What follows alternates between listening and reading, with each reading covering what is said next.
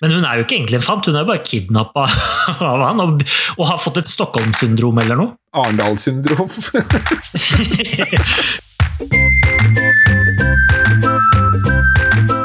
Hjertelig velkommen til ny episode her på Norsk film er. Det er episode 20, og um, ja, det er her vi snakker om film. Vi velger ut én film i måneden, og ja, nerder og analyserer og prater om den. Med meg i eh, dag, så, eller hver gang, så har jeg eh, Robert. Hei, hei. Og eh, mitt navn det er Lars Kristian. Vi har jo et lite jubileum, Robert. Ja, det har vi. Ikke bare er vi i sesong to, men vi er altså på episode nummer 20. Så er det ett år og én måned siden, nesten på datoen, siden den første episoden vår ble lagt. Ja, en liten gratulasjon til oss sjøl at vi skulle holde på så lenge. Jeg har, jeg har ingen planer om å gi meg, eh, Lars. Jeg håper ikke du har det. Nei, da, vi håper at det blir i hvert fall 20 episoder til, og vel så Yes. det. Vi, har- vi har jo mange norske filmer som vi ikke har snakket om ennå. Ja, så vi, vi, vi har litt igjen. Eh, Vi har det, altså. Vi har i hvert fall eh, 20 fantastiske episoder som det er verdt å gå tilbake igjen og lytte på. Gi deg selv litt kake, og så sett deg ned, og så hører du på et maraton. Er er det lov å be folk å høre et maraton med podkast? Det må de gjerne gjøre, hvis de har tid til det, da.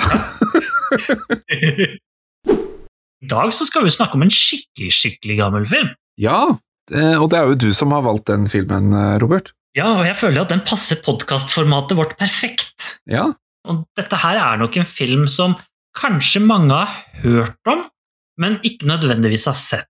vi skal helt tilbake til 1937. Ja, altså Man skulle nesten ikke tro at folk eh, lagde film i 1937, men det gjorde man jo. Man var jo Ja. godt i gang med å lage film både i Norge og i verden generelt da, på, i 1937. Ellers så er jo 1937 også et tidspunkt som minner litt om den tiden vi lever i nå, med et veldig urolig Europa. Eh, 1937, da begynner det å brygge til storkrig i Europa, og det gjør at man ser litt ekstra fremmed på andre som ikke er lik en selv. Men hva er det vi skal se, da? Eller hva er det vi skal snakke om? Ja, vi, vi snakker jo om det uten å vite det. Eh, Vi, vi skal se filmen Fant eh, fra 1937, da, som du nevnte.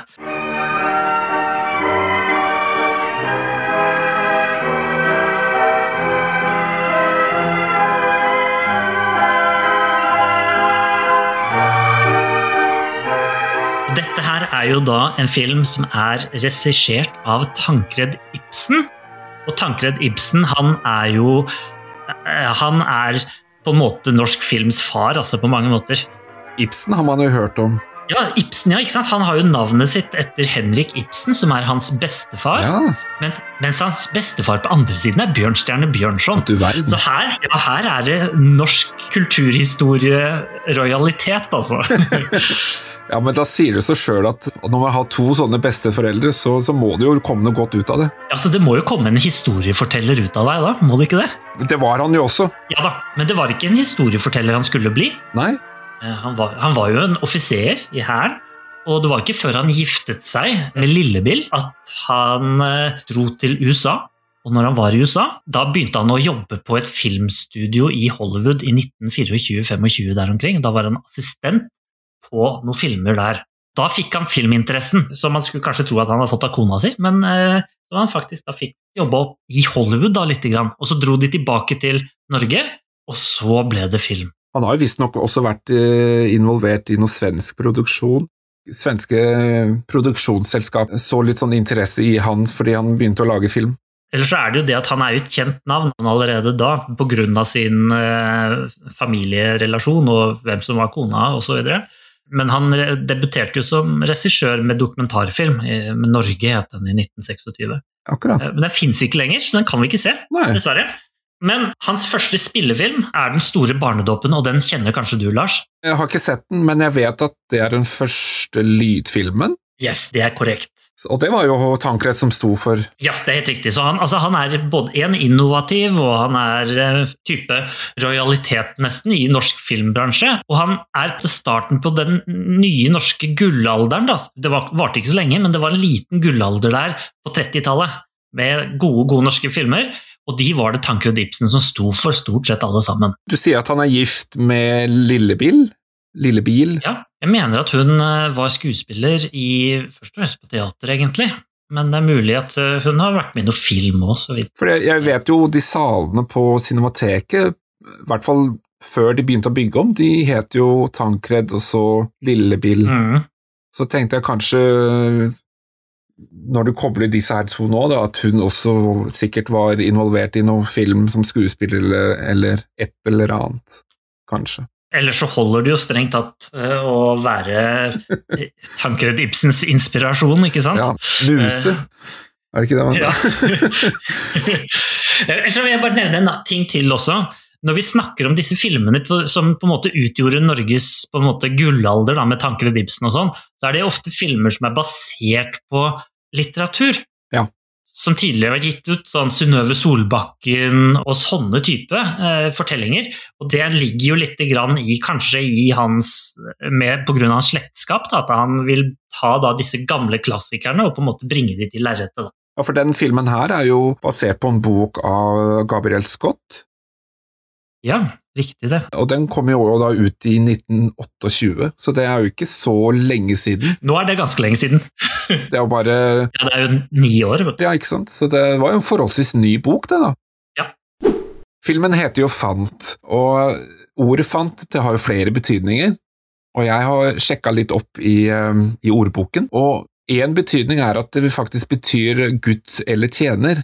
Neste definisjon er jo da spøkefugl, derav da fantestrek, altså som man ofte bruker. Ja. Og det tredje, som er kanskje det som er mest nærliggende i forhold til filmen, da, det er da betyr da en omstreifer og en landstryker. Ja. Eh, og en overført betydning er jo også det at det betyr fattig, at man er raka fant, for eksempel. Eh, Derav uttrykket. I denne sammenhengen er da hovedpersonen, Fenrik, som han heter, han er da en omstreifer eller landstryker. Ofte blander man jo det uttrykket med altså tater og romfolk og sigøynere, men det er egentlig ikke det samme. Nei, nettopp. De som skal omtales i denne filmen, er vel egentlig romfolk, så vidt jeg vet. Ja, det er vel det man har kommet fram til at man bruker nå, da. Ja, At det er det riktige betegnelsen. ja, og denne filmen er jo veldig tydelig på hvordan det norske folk oppfattet romfolk på hva skal vi si, 30-tallet, 20-tallet. Det er litt sånn tidskapsel nesten som du åpner når du ser denne filmen. eh, Hvor du da får fortalt for deg hvordan folk eh, så på da disse som ikke bodde noe sted, og liksom bodde på båtene og seilte rundt om sommeren, og kanskje de forsvant litt om vinteren og sånn, ikke sant? Ja. Vi snakker jo om mellomkrigstiden her. altså Nå har jo Norge akkurat vært igjennom første verdenskrig. De var jo riktignok ikke med sånn offisielt sett, Nei. Men de ble jo påvirket av første verdenskrig, og så var det jo en mellomkrigsperiode. Ellers er det jo også sånn at eh, Europas økonomi var jo i en skikkelig berg-og-dale-bane på 20-tallet. Det gikk riktignok oppover litt når denne boka ble skrevet, men bare året etter at boka kom ut, så skjedde jo børskrakket, som igjen førte til at ringvirkningene slo jo hele verden i løpet av et par års tid, som gjorde at eh, når denne filmen her var laget, så husket man Var det bare et par år siden at liksom økonomien krasja helt? Det er jo akkurat det man Jeg tror man må ha litt i bakhodet når man ser denne filmen. Hva slags Norge er det egentlig vi befinner oss i?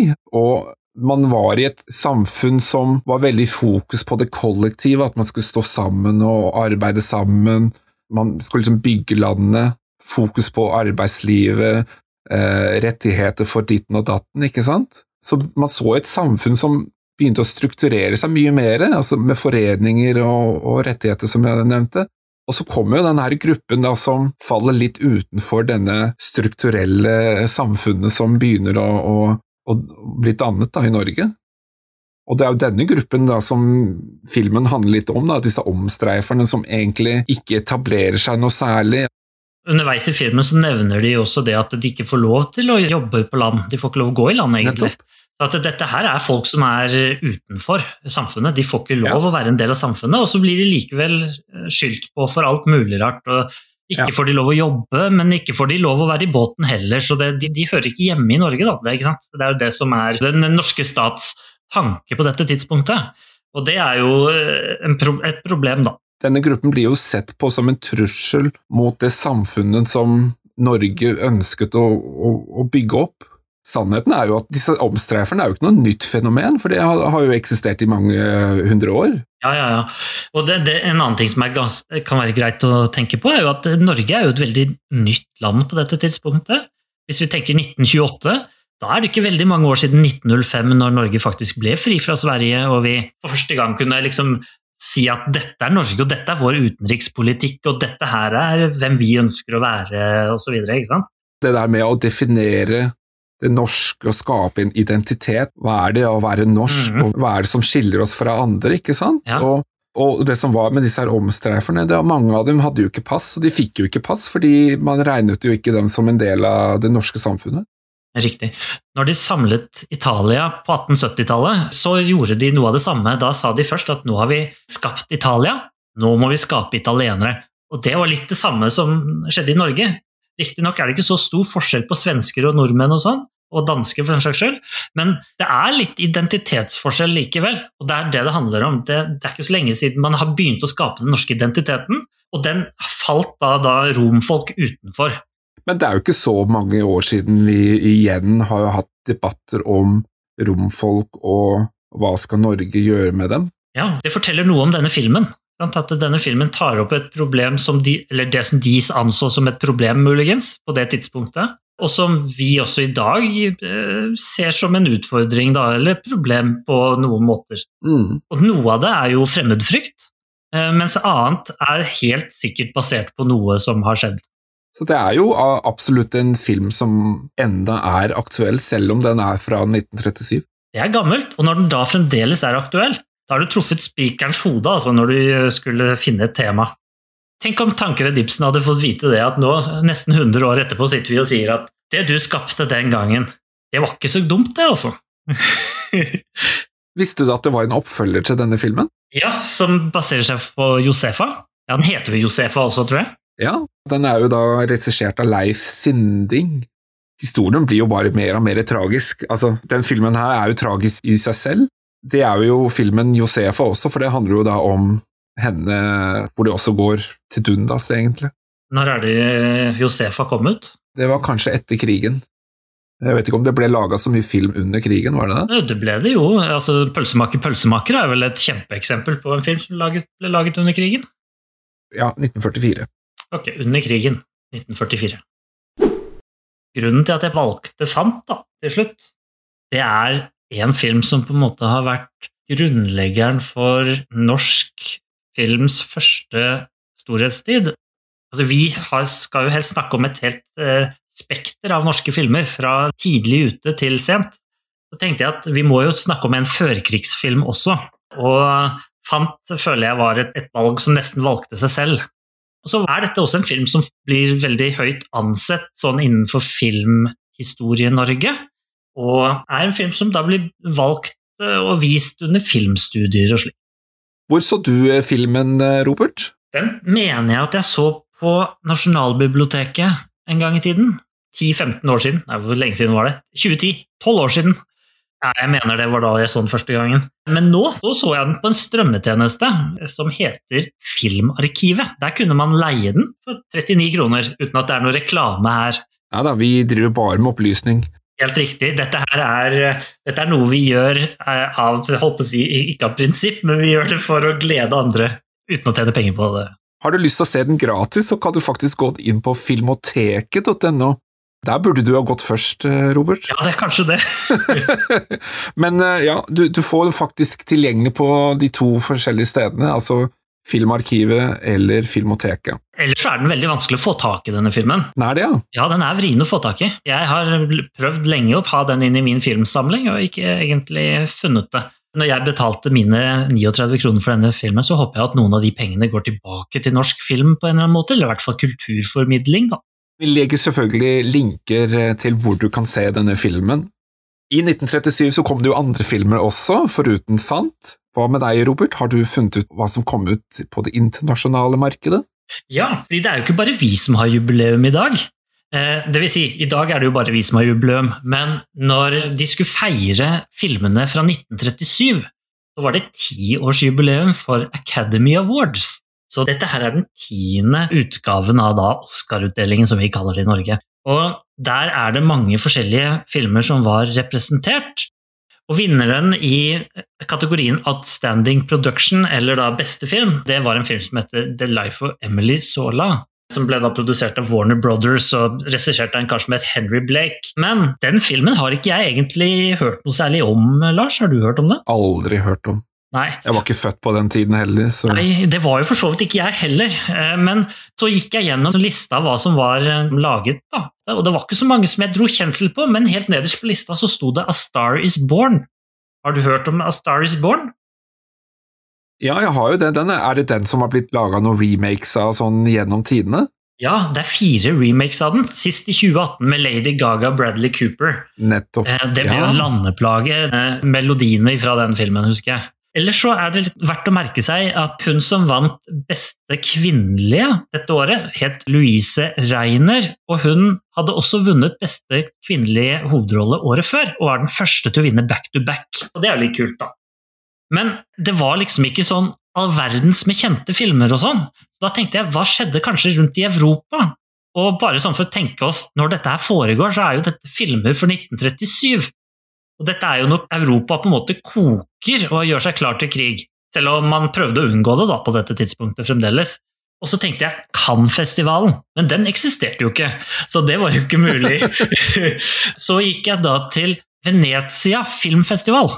Fordi denne filmfestivalen den var jo sponset av det fascistiske partiet i Italia, som med Mussolini i spissen som virkelig mente at film var det viktigste propagandaverktøyet, som da nazistene senere arver da, på mange måter, den tanken.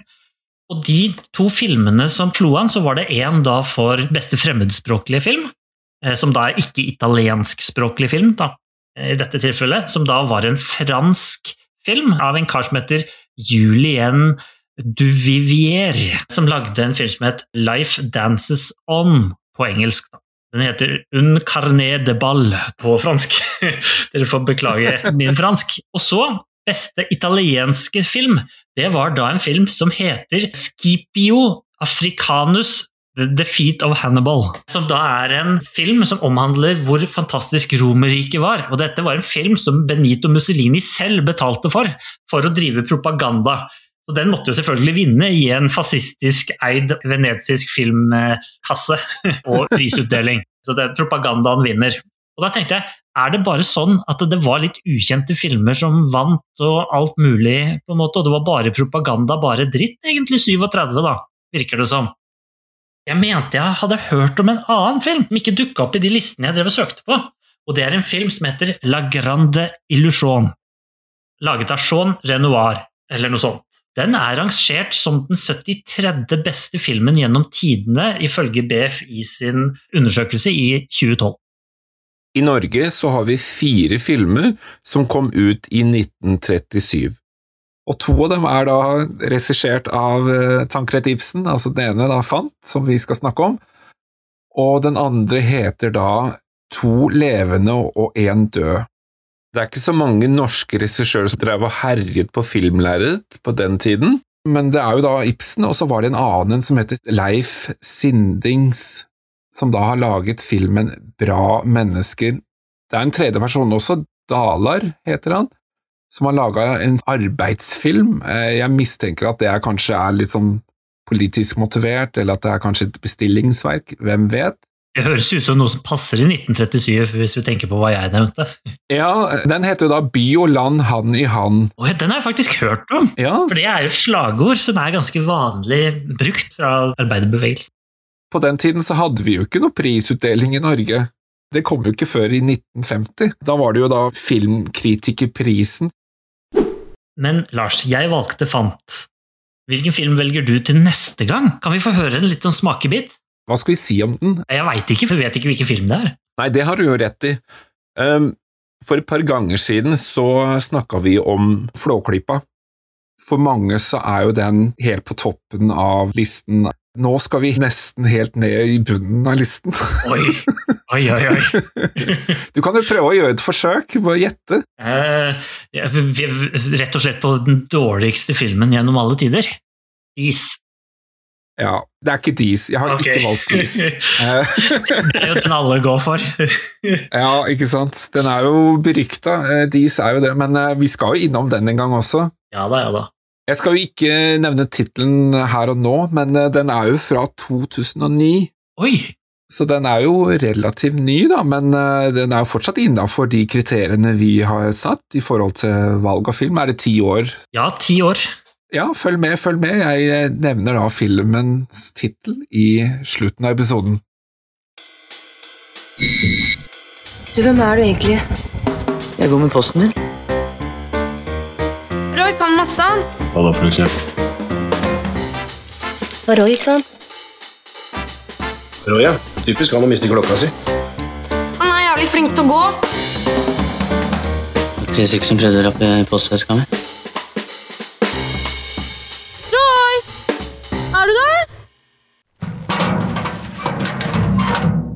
Vi har også vært så heldige at du har fått post. Er det budbringer Roy som har vært på ferde her? Yes! Det kom på internett. Det kan dere også gjøre. Hvis dere har kjempelyst, kan dere også sende tilbakemeldinger eh, til oss, noe vi blir kjempeglad for å høre på. Jeg hører at vi har fått en tilbakemelding på YouTube på Eggs-episoden. Stemmer det. Det er da Martin Bergersen som eh, har da kommentert på Eggs. Legg ut filmen, da. Eh, eller DAC, står det. Jeg vet ikke om det er en skrivefeil eller hva det er. Men det er jo sikkert et ønske om å legge ut filmen sånn så vedkommende kan få sett den. Det gjør vi da dessverre ikke. Vi har jo ikke noen rettigheter til å legge ut filmen. Dessverre. Eggs tror jeg faktisk eksisterer på bibliotekene, så det er mulig å få tak i den der, kanskje. Låne den helt gratis. Dessverre så finner vi ikke noe sted hvor vi kan streame eggs fra, men du har jo kjøpt den på DVD, har du ikke det, Robert? Ja, jeg kjøpte min på Finn, på second hand market. Eh, og, jeg, jeg gjorde et raskt søk nå, så at der kunne du kjøpe den eh, hvis du har veldig lyst til å se den. Eller så vet jeg at det hender at disse filmene, altså Eggs blir satt opp på Cinemateket. Ja. Vi skrøt jo denne filmen eh, ganske høyt opp i skyene, vi, så den er jo verdt å, å ha i arkivet sitt, da. Ja, jeg er veldig glad jeg har den i mitt arkiv, i hvert fall. På YouTube så var det en kar som heter Jon Gærlok, eller Gærlok. Dette her er vanskelig med navn, altså. Men han har kommentert på en gammel episode som vi la ut helt i starten omtrent, og det er litt spennende. Slipp Jimmy fri-episoden. Og han sier, dette er jo litt kritikk til oss da, eh, at han sier at dere burde jo ha lest både Uflaks og Homo Norvegus på forhånd. Gir karakterene Hold brillene enorm dybde, hvis du da ser filmen i tillegg. Især hans pakistanerkommentarer. Søstera er gift med en og har ungene Jan Mustafa og Roy Mohammed. Klepto, eller Kalle da, som han heter i filmen, får også en fin dybde, og man skjønner klovnekostymet og utageringa mot Roy mye bedre. Og det er jo sant, vi burde jo kanskje ha lest eh, disse, mer i dette universet, men vi ville jo også se den filmen som en litt sånn frittstående film, og hvordan den var når vi bare så filmen. Vi anbefalte vel også i den, tror jeg, at man skulle sette seg inn i, i universet litt mer, da. Har du lest noe av de tegneseriene? Jeg har jo dessverre ikke gjort det, eh, men til gjengjeld så har jeg sett filmen flere ganger. Vi har fått en melding fra Ronny Rype på Instagram. Vi har jo til vane å legge ut fredagsfilmer, eller tips til fredagsfilmer, på en post som vi la ut om filmen Reprise. Så skriver han Min favoritt-trier, og kudos for bruk av triers bruk av Georges Delures, Camille, som også ble brukt i Godard Le Mepris. En femtelapp på mye fransk nybølgeinspirasjon her. Jeg vet ikke om jeg klarte å lese disse her navnene riktig. Du er litt mer inne i fransk bølge, eh, Robert. Du kjenner kanskje disse navnene? altså, Godard er jo kjempekjent. Altså, eh, Le Mépris, eh, den så jeg faktisk igjen for en uke siden, tror jeg. Den synes jeg er eh, tidvis fantastisk. eh, og er selvfølgelig verdt et gjennomsyn, men den er vrien å få tak på, så der må du nok på annenhåndsmarkedet for å få eh, tak i den filmen. Hva er det den heter på engelsk? Contempt, tror jeg den heter. Godard er jo han som nærmest starta den her franske nybølgen, eller i hvert fall var en god pådriver på den. Jo, Godard og, og Truffaut er jo viktige personer på, når vi kommer til nybølgen, da. Og igjen, det er jo filmer og regissører som har inspirert eh, reprise, da. Ja, og fryktelig mange andre regissører. Hvis vi tar da eksempelet til Ronny Rype her, da, med Le Mépris, så er jo den filmen rangert som den 21. beste filmen gjennom alle tider. Ja, Det er ikke dårlig. Det er ikke gærent. Hvis du har kommentarer om episodene vi har laget, tips eller ideer til oss, så stikk inn på Facebook-siden og legg igjen en kommentar der. Så kan du kommentere på Instagram, da blir vi veldig glad. Gjerne følg oss på Instagram også, da kan det være at vi kommer litt bakom stoff. For eksempel, når vi spiller inn denne episoden, så er det kommet til en liten storypost om at jeg forbereder meg til denne episoden. Send en melding til oss, og så kan det hende at budbringer Roy eh, får levert det til oss, hvis han eh, har lyst, da. Det håper jeg at han har lyst til. Hvis du har lyst til å høre på de gamle episodene om f.eks. Slipp Jimmy fri, eller kanskje Elling, den er fin, så anbefaler vi at du gjør det på Spotify, på Google eller Apple sine plattformer. Eller så har vi en nettside som heter norskfilmr.no. Dessuten så legger vi også ut episodenotater på filmen med linker og litt ekstra informasjon om filmen som vi snakker om i dag, altså Fant fra 1937. Dessuten så lister vi også opp alle de filmene som vi nevner i løpet av episoden, så er det lettere for deg å spore opp det igjen i etterkant. Men da syns jeg egentlig bare vi skal gå i gang med Fant. La oss gjøre det.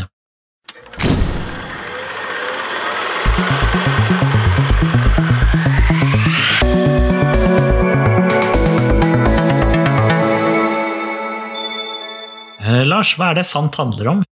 Filmen handler om Fenrik som eh, lever på en båt, og tilfeldigheten skal ha at eh, Josefa, altså en jente, eh, da også havner på denne båten sammen med han. Eller han kidnapper kanskje henne også. Det var Nei, det veldig, gjør han ikke. det var veldig drastisk. Jeg vil jo tørre å påstå at hun kidnapper lasterommet hans.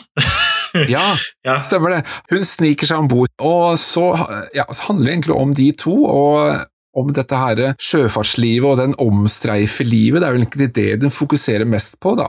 Ja. Eh, og så ender det jo egentlig litt tragisk, da. Ja, det er, det er litt tragisk film. Det er eh, egentlig sikkert litt motstand mot uh, den klassiske Hollywood-filmen som hadde begynt å bli en fastsatt norm på dette tidspunktet, om at du skulle ha lykkelig slutt. Ja. En sånn liten kuriositet, altså Tankred Ibsen skulle lage denne filmen, så var jo en av kriteriene til Gabriel Scott at karakteren, altså Fenrik, skulle dø i slutten av filmen. Han skulle ikke overleve. Ah, ja. Da kan man jo stille seg spørsmålet om dette var som du sier, om dette var sånn trend i filmen, og at det skal være sånn happy ending, eller om boken faktisk eh, slutter sånn som filmen gjør. Det kan jo kanskje noen andre fortelle oss om. ja, fordi jeg har ikke lest boka. Har du? Nei, ikke jeg heller. Nei. Nei. Så da vet vi at han dør. Ja. ja da. Og det er jo egentlig et godt poeng, eh, fordi vi spoiler jo filmen. Ja. Det er litt seint å si det nå, kanskje, hvis vi da allerede har spoilet filmen og noen sitter og gleder seg til å se, se Fant.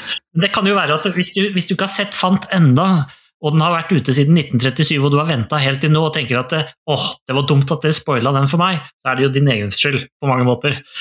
Men, men vi anbefaler jo dere å stoppe podkasten. Hvis du ikke har sett filmen, så se filmen, og så hør på den. Vi ser jo en rulletekst der med en rekke navn. Vi har jo allerede vært innom regissøren Tankred Ibsen, men eh, hvem er det som egentlig er med i filmen? Ja, du, denne filmen så er det jo ganske mange personer med, og der, vi har jo eh, på en måte radbrekket eh, en tidligere film av at de har for mange hovedpersoner. Her så klarer de i hvert fall å beholde noen personer som viktigere enn andre, og det er jo bra. Eh, og hovedpersonen er jo selvfølgelig da eh, Fendrik, eh, som er spilt av Alfred Maurstad, og den andre personen er jo da Josefa, som er spilt av Sonja Wigert. Jeg vet ikke om du kjenner Sonja Wigert fra noe? Nei, jeg prøvde å se litt sånn på noen av disse navnene, men det er noen navn som er kjent. Hun hadde en liten rolle i, da, i Lån meg din kone, eksempel, som er en litt artig sak. Ellers så er det da Guri Stormoen som spiller Mathilde, som har en litt større rolle. Hun er vel egentlig ganske kjent på den tidspunktet? Ja, hun er en veldig anerkjent god skuespiller, da, som har spilt mye rart, og som er spesielt godt likt i Da Fant. Så er det jo sånn at det er to personer som har fått sin skuespillerdebut i denne filmen, om jeg ikke husker helt feil.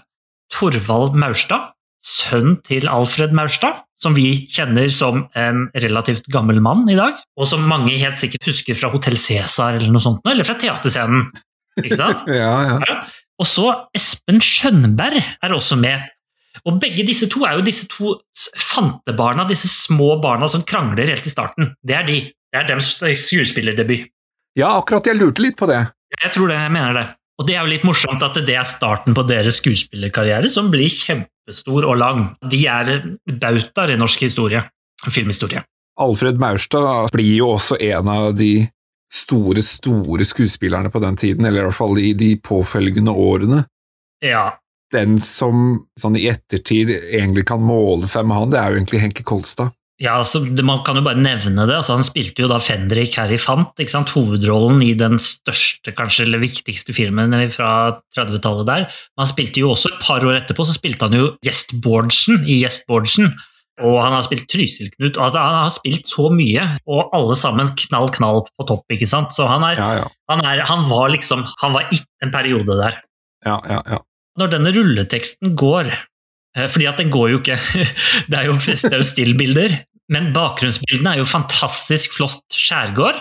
Så vidt jeg Ja. har skjønt, så er dette Sørlandet ja, som brukes som setting for dette, og det hører vi jo også på dialekten til en hel del av skuespillerne, at det er lokale personer som snakker flott og fin sørlandsk dialekt. Du vet jo Når Josefa snakker, så sier jo hun 'ja, men jeg er ikke herfra'. Ja, ja, ja stemmer. For, liksom, for, liksom, for hun snakker jo ikke sørlandsdialekt. Nei, Så det, ikke sant? det, så det er jo veldig fint. Men det gjør vel ikke Maurstad heller, gjør han det? Nei, det gjør han ikke, men han er jo fant. Altså, han er jo romfolk, Ja, ja. så han skal, jo, han skal jo egentlig ikke snakke norsk. Så dette her er jo en fornorskelse, eller, eller de skal jo egentlig snakke med en sterk aksent, da. Eller i hvert fall en norsk som de har lært over tid som de har vært i Norge. Ja, for dette lurte jeg litt på, fordi altså, de kunne jo godt være født og oppvokst i Norge i generasjoner, selv om de var omstreifere. Ja da, ja da, men de, de har ikke hatt den faste skolegangen, da, kanskje. Nei, det er sant.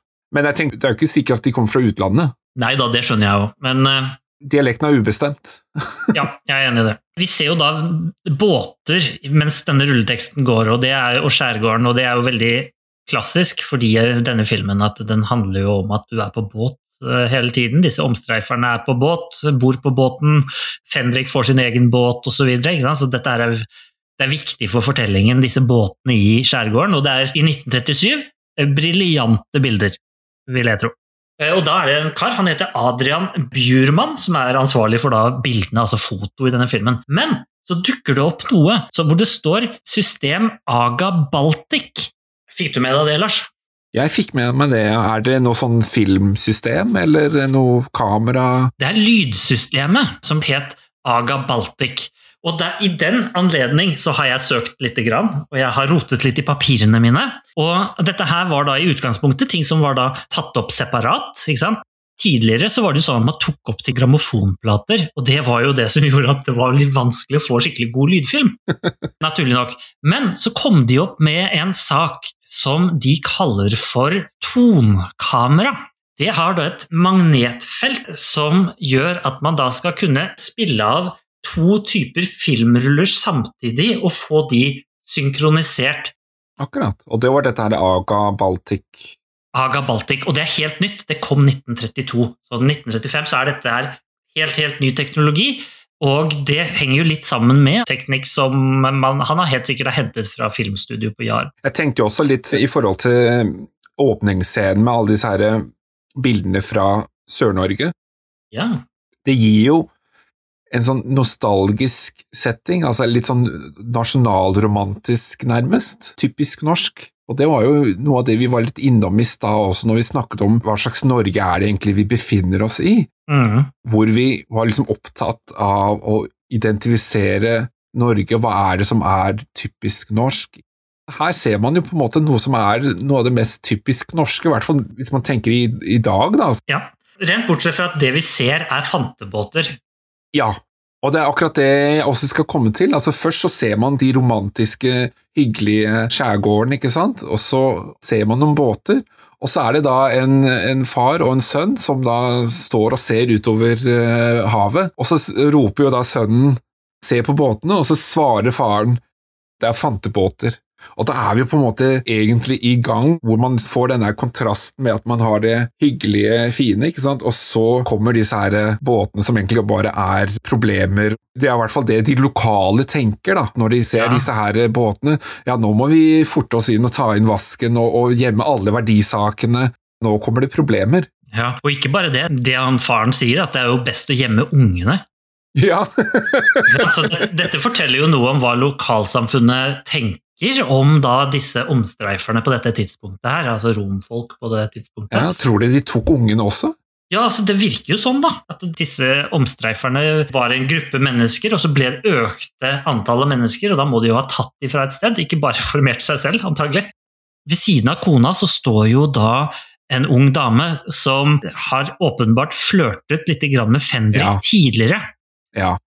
Og Fenrik hilser jo opp fra havet, ja, og vinker. Og vinker ikke helt tilbake, men hun, hun, ser mot mora, og mora liksom er så stram i ansiktet. ikke sant? For det viser at Dette her får du sannelig ikke lov til. Altså, ja.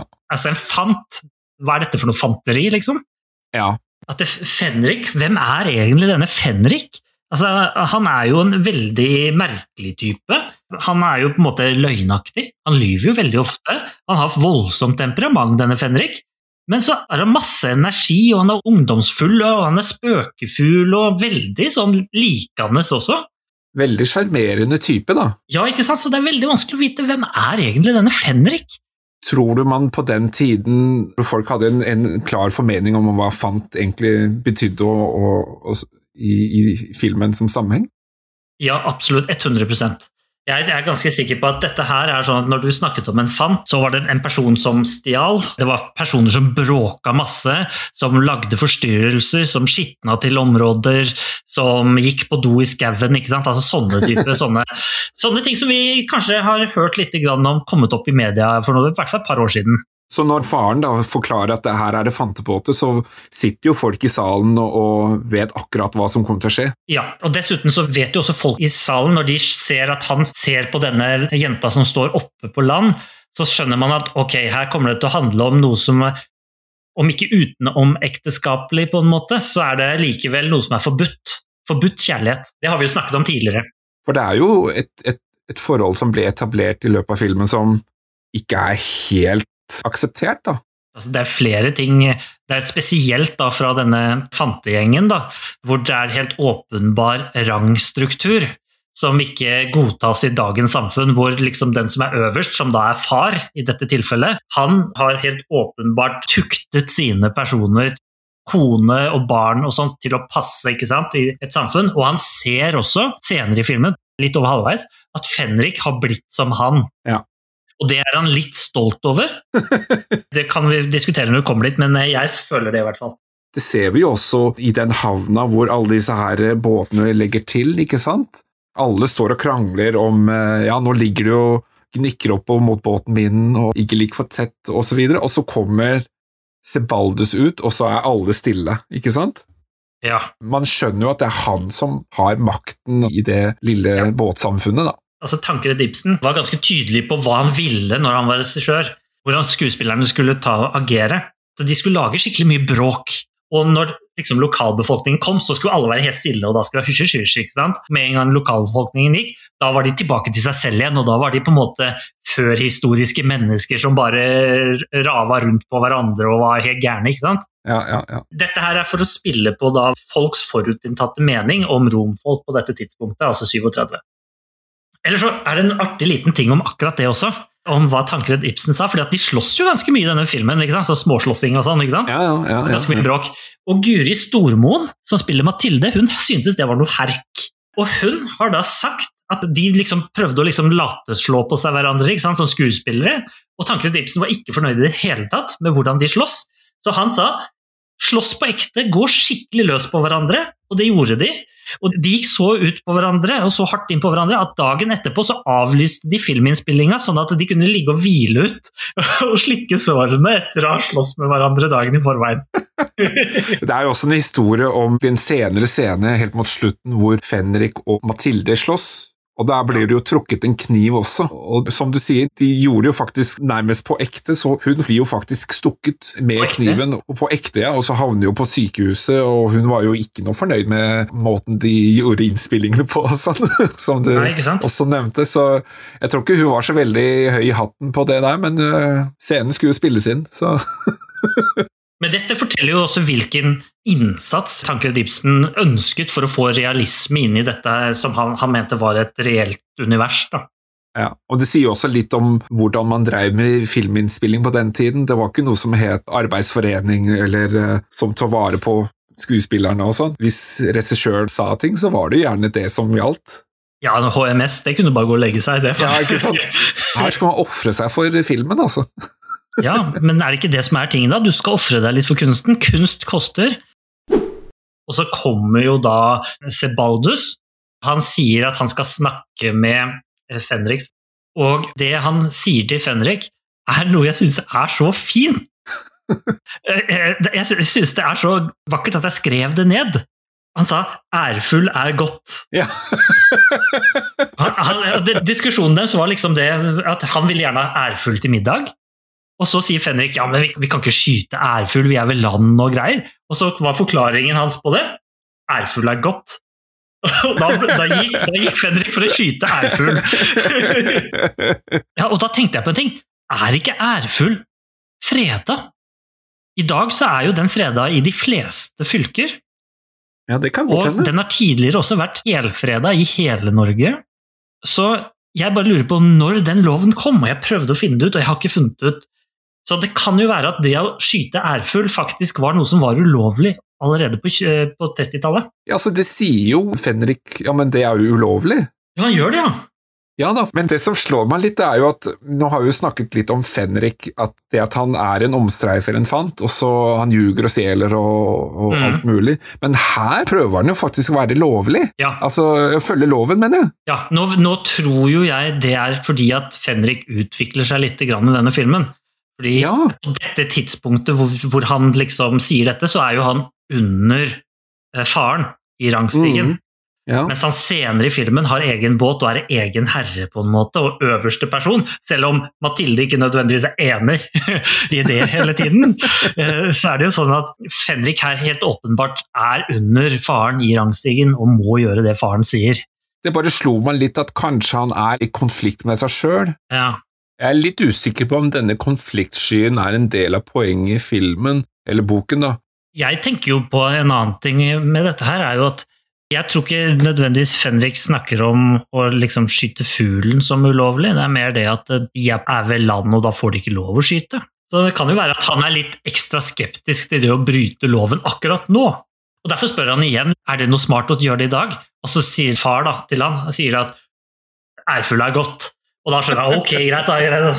Jeg skjønner ærfull er godt, vi, vi, vi, må, vi må faktisk gjøre dette. Og da tar han faktisk og gjennomfører det, eller forsøker å gjennomføre det i hvert fall. Så møter vi jo da to andre karakterer, Josefa og Oskar, Ja, som er det klassiske kjæresteparet osv. ikke sant? Og jeg har en ting, fordi, og de snakker om hvorfor kan ikke vi gifte oss og sånne type ting, ikke sant? Så svarer Josefa et eller annet sånn i de baner at hva med onkel eller onkels vil ikke det, eller et eller annet sånt noe. ja. På dette tidspunktet så begynner jeg å tenke, hva er det denne onkelen har gjort for noe, eller gjør med da Josefa? Er dette her faktisk noe litt sånn der eh, creepy business som foregår her? Men er det fordi at her har det foregått noe Altså, hvordan type misbruk foregår her? Hun sier jo han stirrer på meg så rart. Ja, altså, er, Snakker vi her et voldelig forhold, eller snakker vi et uh, incestuelt forhold? Jeg fikk ikke inntrykk at det hadde skjedd noe der og da, for det ville hun kanskje ha sagt. Ja. Til Oscar, kanskje. ja, men grunnen til at jeg tenker på dette, er også at ville de i 1937 snakket om det? Nei, det er jo ikke sikkert. Så jeg tenker kanskje at her legger han inn noen hint, uten at han sier noe som han strengt tatt ikke burde snakke om på denne tiden. Jeg har inntrykk av at boken er mer grafisk på det området der okay. enn det filmen kanskje Vet du hvilken retning? Nå hopper jeg litt fram, egentlig, bare for eh, siden vi er inne på det emnet. da. I forhold til boken så mener jeg at til og med Fenrik han forgriper seg jo på Josefa. Forgriper seg, da tenker du seksuell forgripelse, sant? Ja, ja, ja, ja, ja. Ja, ja. For hun blir jo gravid, ikke sant? Eh, I hvert fall i oppfølgeren. Så det blir jo foreslått at det er ungen til Fenrik. Poenget mitt er bare at filmen er kanskje ikke så grafisk, og det, det, det hadde de sikkert ikke lov til engang på den tiden. Altså, Filmen er jo nesten som en komedie. Ja. Det som skjer, er jo at de tar jo opp et ganske drøyt tema her. Fordi at Det de egentlig potensielt sier i denne filmen, er jo at disse personene en stjeler og lyver og greier, men de voldtar og de Men det er ikke så mye bedre på land heller, virker det som. Nei, ikke sant? Altså, Jeg syns jo den mest beskrivende scenen er jo faktisk det vi ser seinere mellom onkelen og Josefa i huset der. For er der føler jeg at dette her er kanskje noe han har prøvd seg på før. Ja, det, det var en ubehagelig scene, men det som skjer i hvert fall denne scenen, da, i hvert fall, er at vi blir kjent med Josefa, og vi blir kjent med Oskar. Og det virker å være et ok forhold. Ja. Og når han sier jo til og med at eh, hun må lære seg språket eller dialekt for å, for å bli bli hans kone. Ja, ja. Nå er vi liksom blitt introdusert til lokalbefolkningen, ikke sant? Hun er jo tilreisen, men det er jo fortsatt samfunnets redelige borgere, hvis man kan si det sånn. Og så Ja. forsvinner jo de opp på toppen der, og så ser utover. Åh, så deilig det er. Jeg er så glad du liker det omkring. Men se, hva er det? Åh, det, det er fang.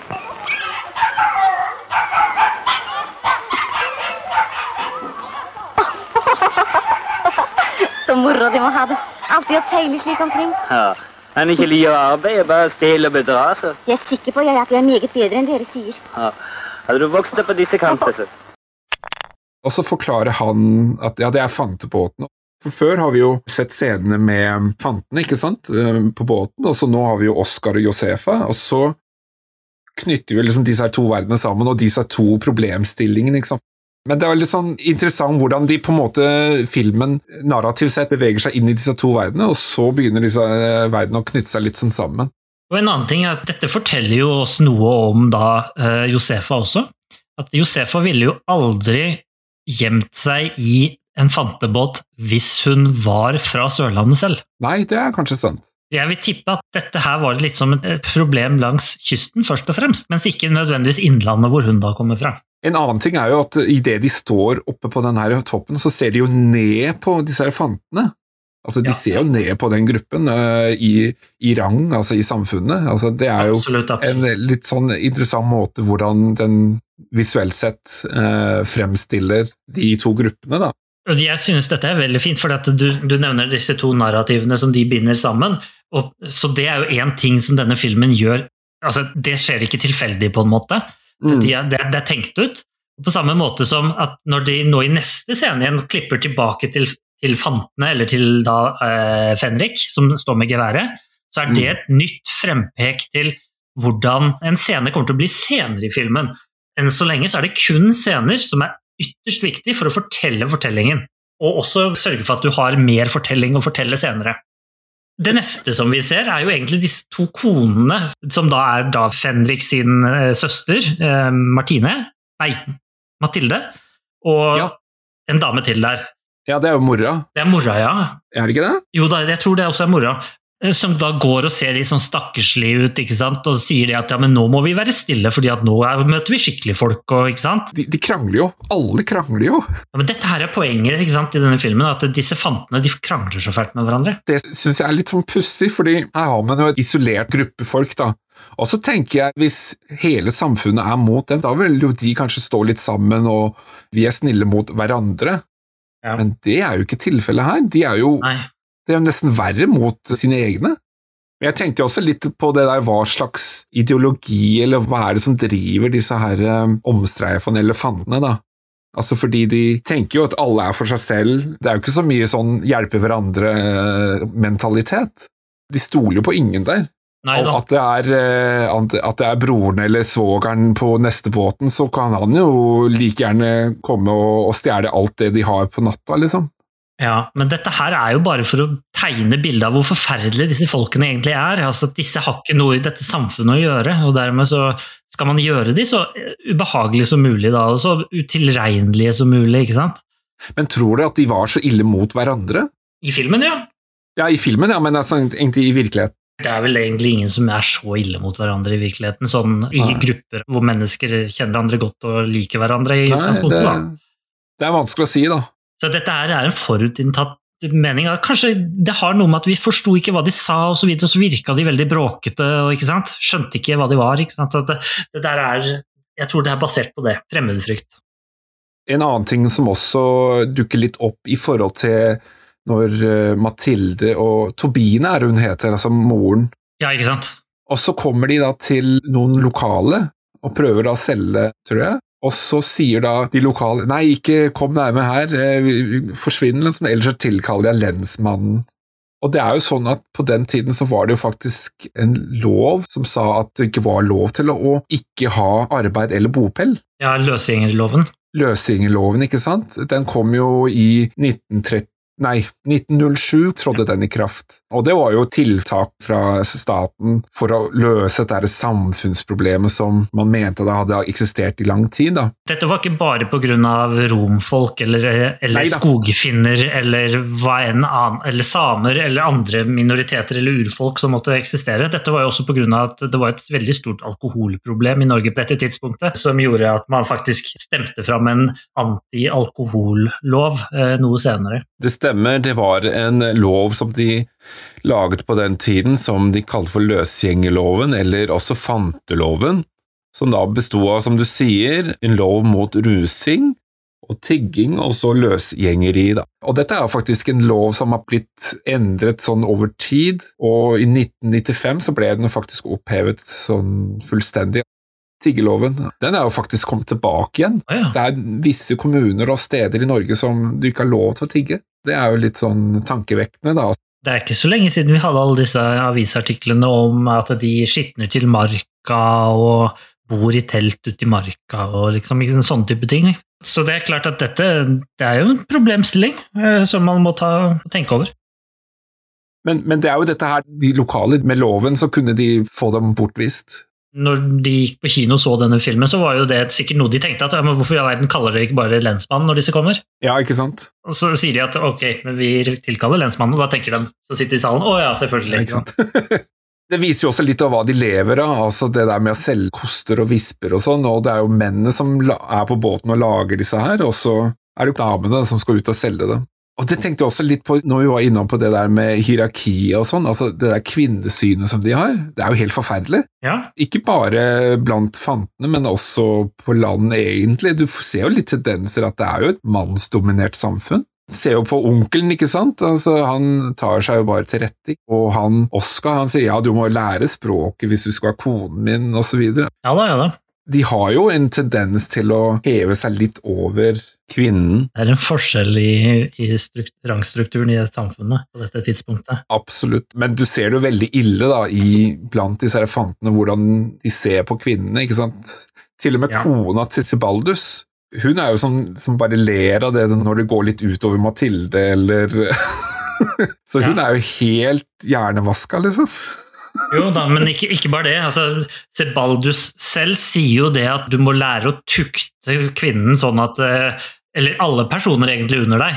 eh, Sånn at eh, de blir opplært til å være riktige. Ikke sant? Etter det, Kvinnen skal lyde mannen og alt dette. ja, ikke sant? Ikke sant? Ja. Så dette her er helt åpenbart. og det er det er for så vidt en scene som kommer senere, men da er det tydelig at Sebaldus har, har jo slått kona si masse. Ja, ja, for hun tør jo ikke å si annet. Nei, ikke sant? Og Fenrik gjør jo det samme med Josefa. Ja. Og onkel er jo liksom den Han er jo grisen på land. Ja, Han er det, han er det, han er jo det stygge fåret, som kanskje likevel har et godt hjerte kanskje innerst, men, men som egentlig ikke viser det så ofte. Mens Oskar antageligvis er mer den standardmannen, liksom. fromme mannen som egentlig ikke gjør noe gærent. Ja, ikke sant, egentlig. Det eneste gærne han gjør, er at han er en mann av sin tid. Altså, Han følger samfunnets normer, liksom. Men det er jo også, som vi har vært inne på, altså det, det er jo et tverrsnitt av samfunnet, hvordan det var. Det er egentlig litt interessant, det der. Ja. Altså, det, det meste i samfunnet er jo tatt med her. Når disse personene har gått, da, og de har snakket bitte lite grann med hverandre, at vi nå ser at Fenrik er på denne ærfuglejakten. Og dette er et frempek til det som skjer senere i filmen, hvor vi får et veldig kult bilde. Altså, vi får det nå, da, ikke senere i filmen, hvor de filmes med geværløpet midt i bildet, sett ifra Fenriks synsvinkel. Hvor han da sikter, og så dukker da denne herre Oscar opp Mm. på båten, og så sikter han på Oscar hele veien, later som at han skal skyte han, ikke sant? Og så gjør han jo ikke det, da. Her på dette tidspunktet så virker jo Fenrik som en skøyer, ikke sant, som bare liksom sikter på ham for gøy, for han hadde ikke noe annet å gjøre, liksom. Men hadde ikke noe intensjon om å skyte eller noe sånt. Noe som jeg for så vidt ikke tror han har hatt noen gang i løpet av filmen. Ja, Sebaldus kommer tilbake igjen, har jeg skrevet. Litt grann før det så er det jo sånn at disse konene kommer jo tilbake til båten og går ned i Ja. liksom, rommet. Eh, Der sitter jo allerede Fenrik. Og da er det jo det haraballet der inne, altså. ja. Ja, fordi det, det, dette er søskenkjærlighet, altså. Ja, det kan du si. Mathilde og Fenrik går jo på hverandre som bare det, ikke sant? Og Fenrik driver og ljuger så det renner av han med å skryte Ja. på seg 300 kroner Ja, ja, og greier. La oss si det at 300 kroner på dette tidspunktet, altså hvis, altså det er jo vanskelig å sammenligne det, men den båten var det 175 kroner den kosta, eller noe sånt nå, så dette er jo dobbel båt da, på mange måter. Riktignok var det en dårlig båt, men, uh... Men det er en båt. Men det er en båt, ja, ja, ja. Og ja, 175 kroner, ja. Det er egentlig to båter, for at det var en livbåt bak der, på en måte. Så det var en liksom sånn robåt i tillegg til båten. Ja, ja, ja, ja, ja, ja. Du ser jo også hva, hva- er det de selger disse her varene til. Ja, 25 øre var vel vispen, da, gjerne. De skal selge mange visper for å kjøpe en båt, altså. Ja. ja, og på et tidspunkt så var det jo snakk om at denne skinka som ble stjålet. eh, på Ja. et tidspunkt, Den Ti kosta ti kroner, ja. Og det syntes hun var for så vidt en god pris, men 10 kroner, hvis den kosta 10 kroner, og båten kosta 175 kroner Ja, da, da snakker vi en eh, 5000 kroner, da. Og det vil jeg jo si var en god pris. Så da måtte han ha liksom plutselig ha 10 000 kroner han liggende, da. Så, så han skryter på seg denne scenen, som de antageligvis aldri har sett i hele sitt liv. Det er jo et godt poeng. Hvor har han fått tak i de pengene fra? Ja, han har jo ikke fått de pengene. Han har ikke 300 kroner. Har han ikke det? Nei.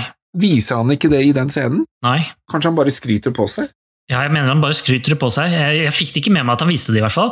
Jeg mener at den eneste gangen han viser penger, er til Josefa senere, men da har han jo allerede fått båt og fått penger av Siberius.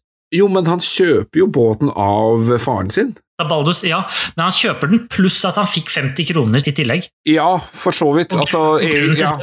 Og grunnen til det er en vits som kommer litt senere. Å ja, ok. Fordi Sebaldus vil bli kvitt Mathilde når hun er gravid. Så Derfor gir han Fenrik 50 kroner for å ta henne med seg på båten. Det er ikke det han sier, men det er det han gjør. Ja.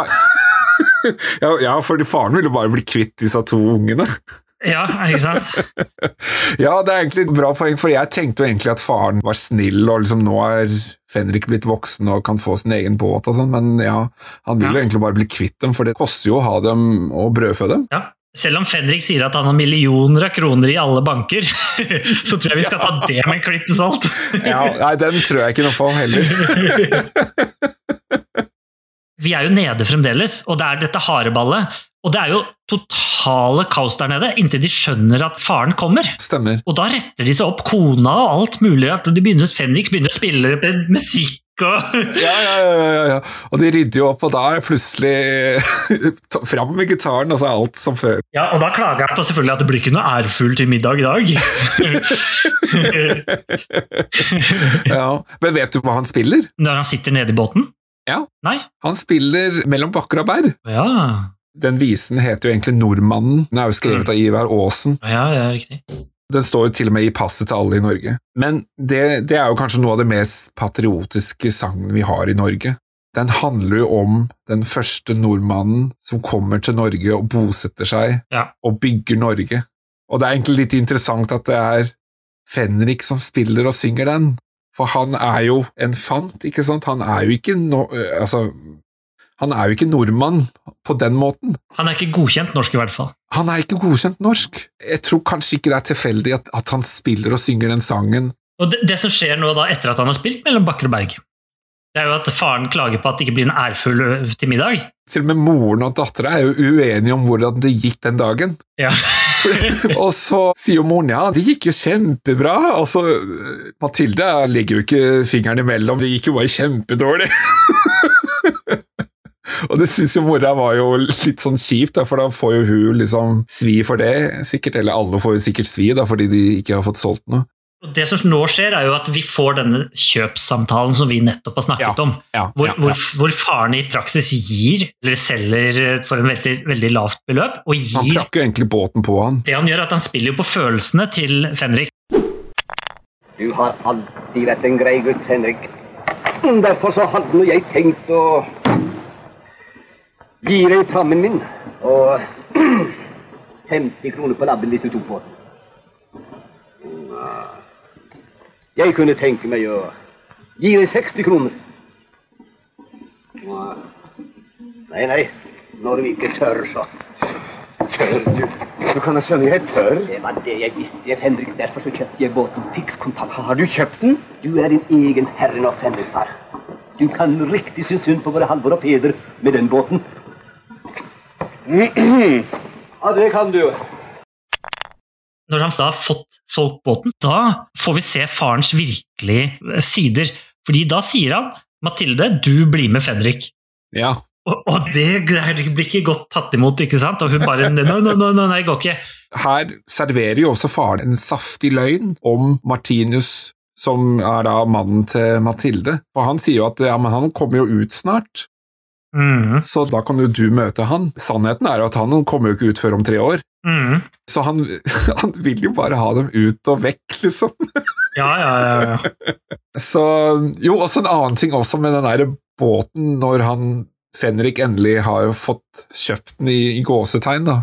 Ja, de kommer opp, og Fenrik tar med seg ting som han skal ha med over på båten, eller noe sånt. Nei, det er litt seinere, men det er en kommentar han sier for at ja, men nå kan du virkelig heve deg over alle de andre i samfunnet Ja, eller i den gruppen. Ja, ja. Altså, det, er, er jo et merkelig eh, merkelig samfunn de, er i, altså, det der, den gruppen der. De er vel mer eller mindre familie, er det ikke det? Sånn der eh, fetter og kusiner og svogere og sånn. Ja, ja, ja, riktig. Ja. Nå er det jo sånn at eh, alle de andre erter jo Fenrik etterpå, fordi de ser jo denne båten, sant? og de ser jo den rønna uten like, ikke sant? Det er så vidt den klarer å flyte, liksom. og faren har jo sagt at denne her kan du ha hele livet, og nå er liksom livet sikra Ja. for all evighet og sånn. Ja, Og så tar han ene kniven og putter den inn mellom borda i plankene, ikke sant? og tar og beveger den, og du ser den gå tvers igjennom den råtne driten. Det er jo rart at den flyter, da. Ja, altså Det kan jo være at det var bare tull, det òg, men når han møter onkelen sin Ja. senere, Ja, ja, ja. så sier han jo at hvorfor i all verden altså Denne, denne likkassa her, den synker et par ganger i året, den ved han forrige eieren. Rumpe-Anders, var det det? det var noe sånt.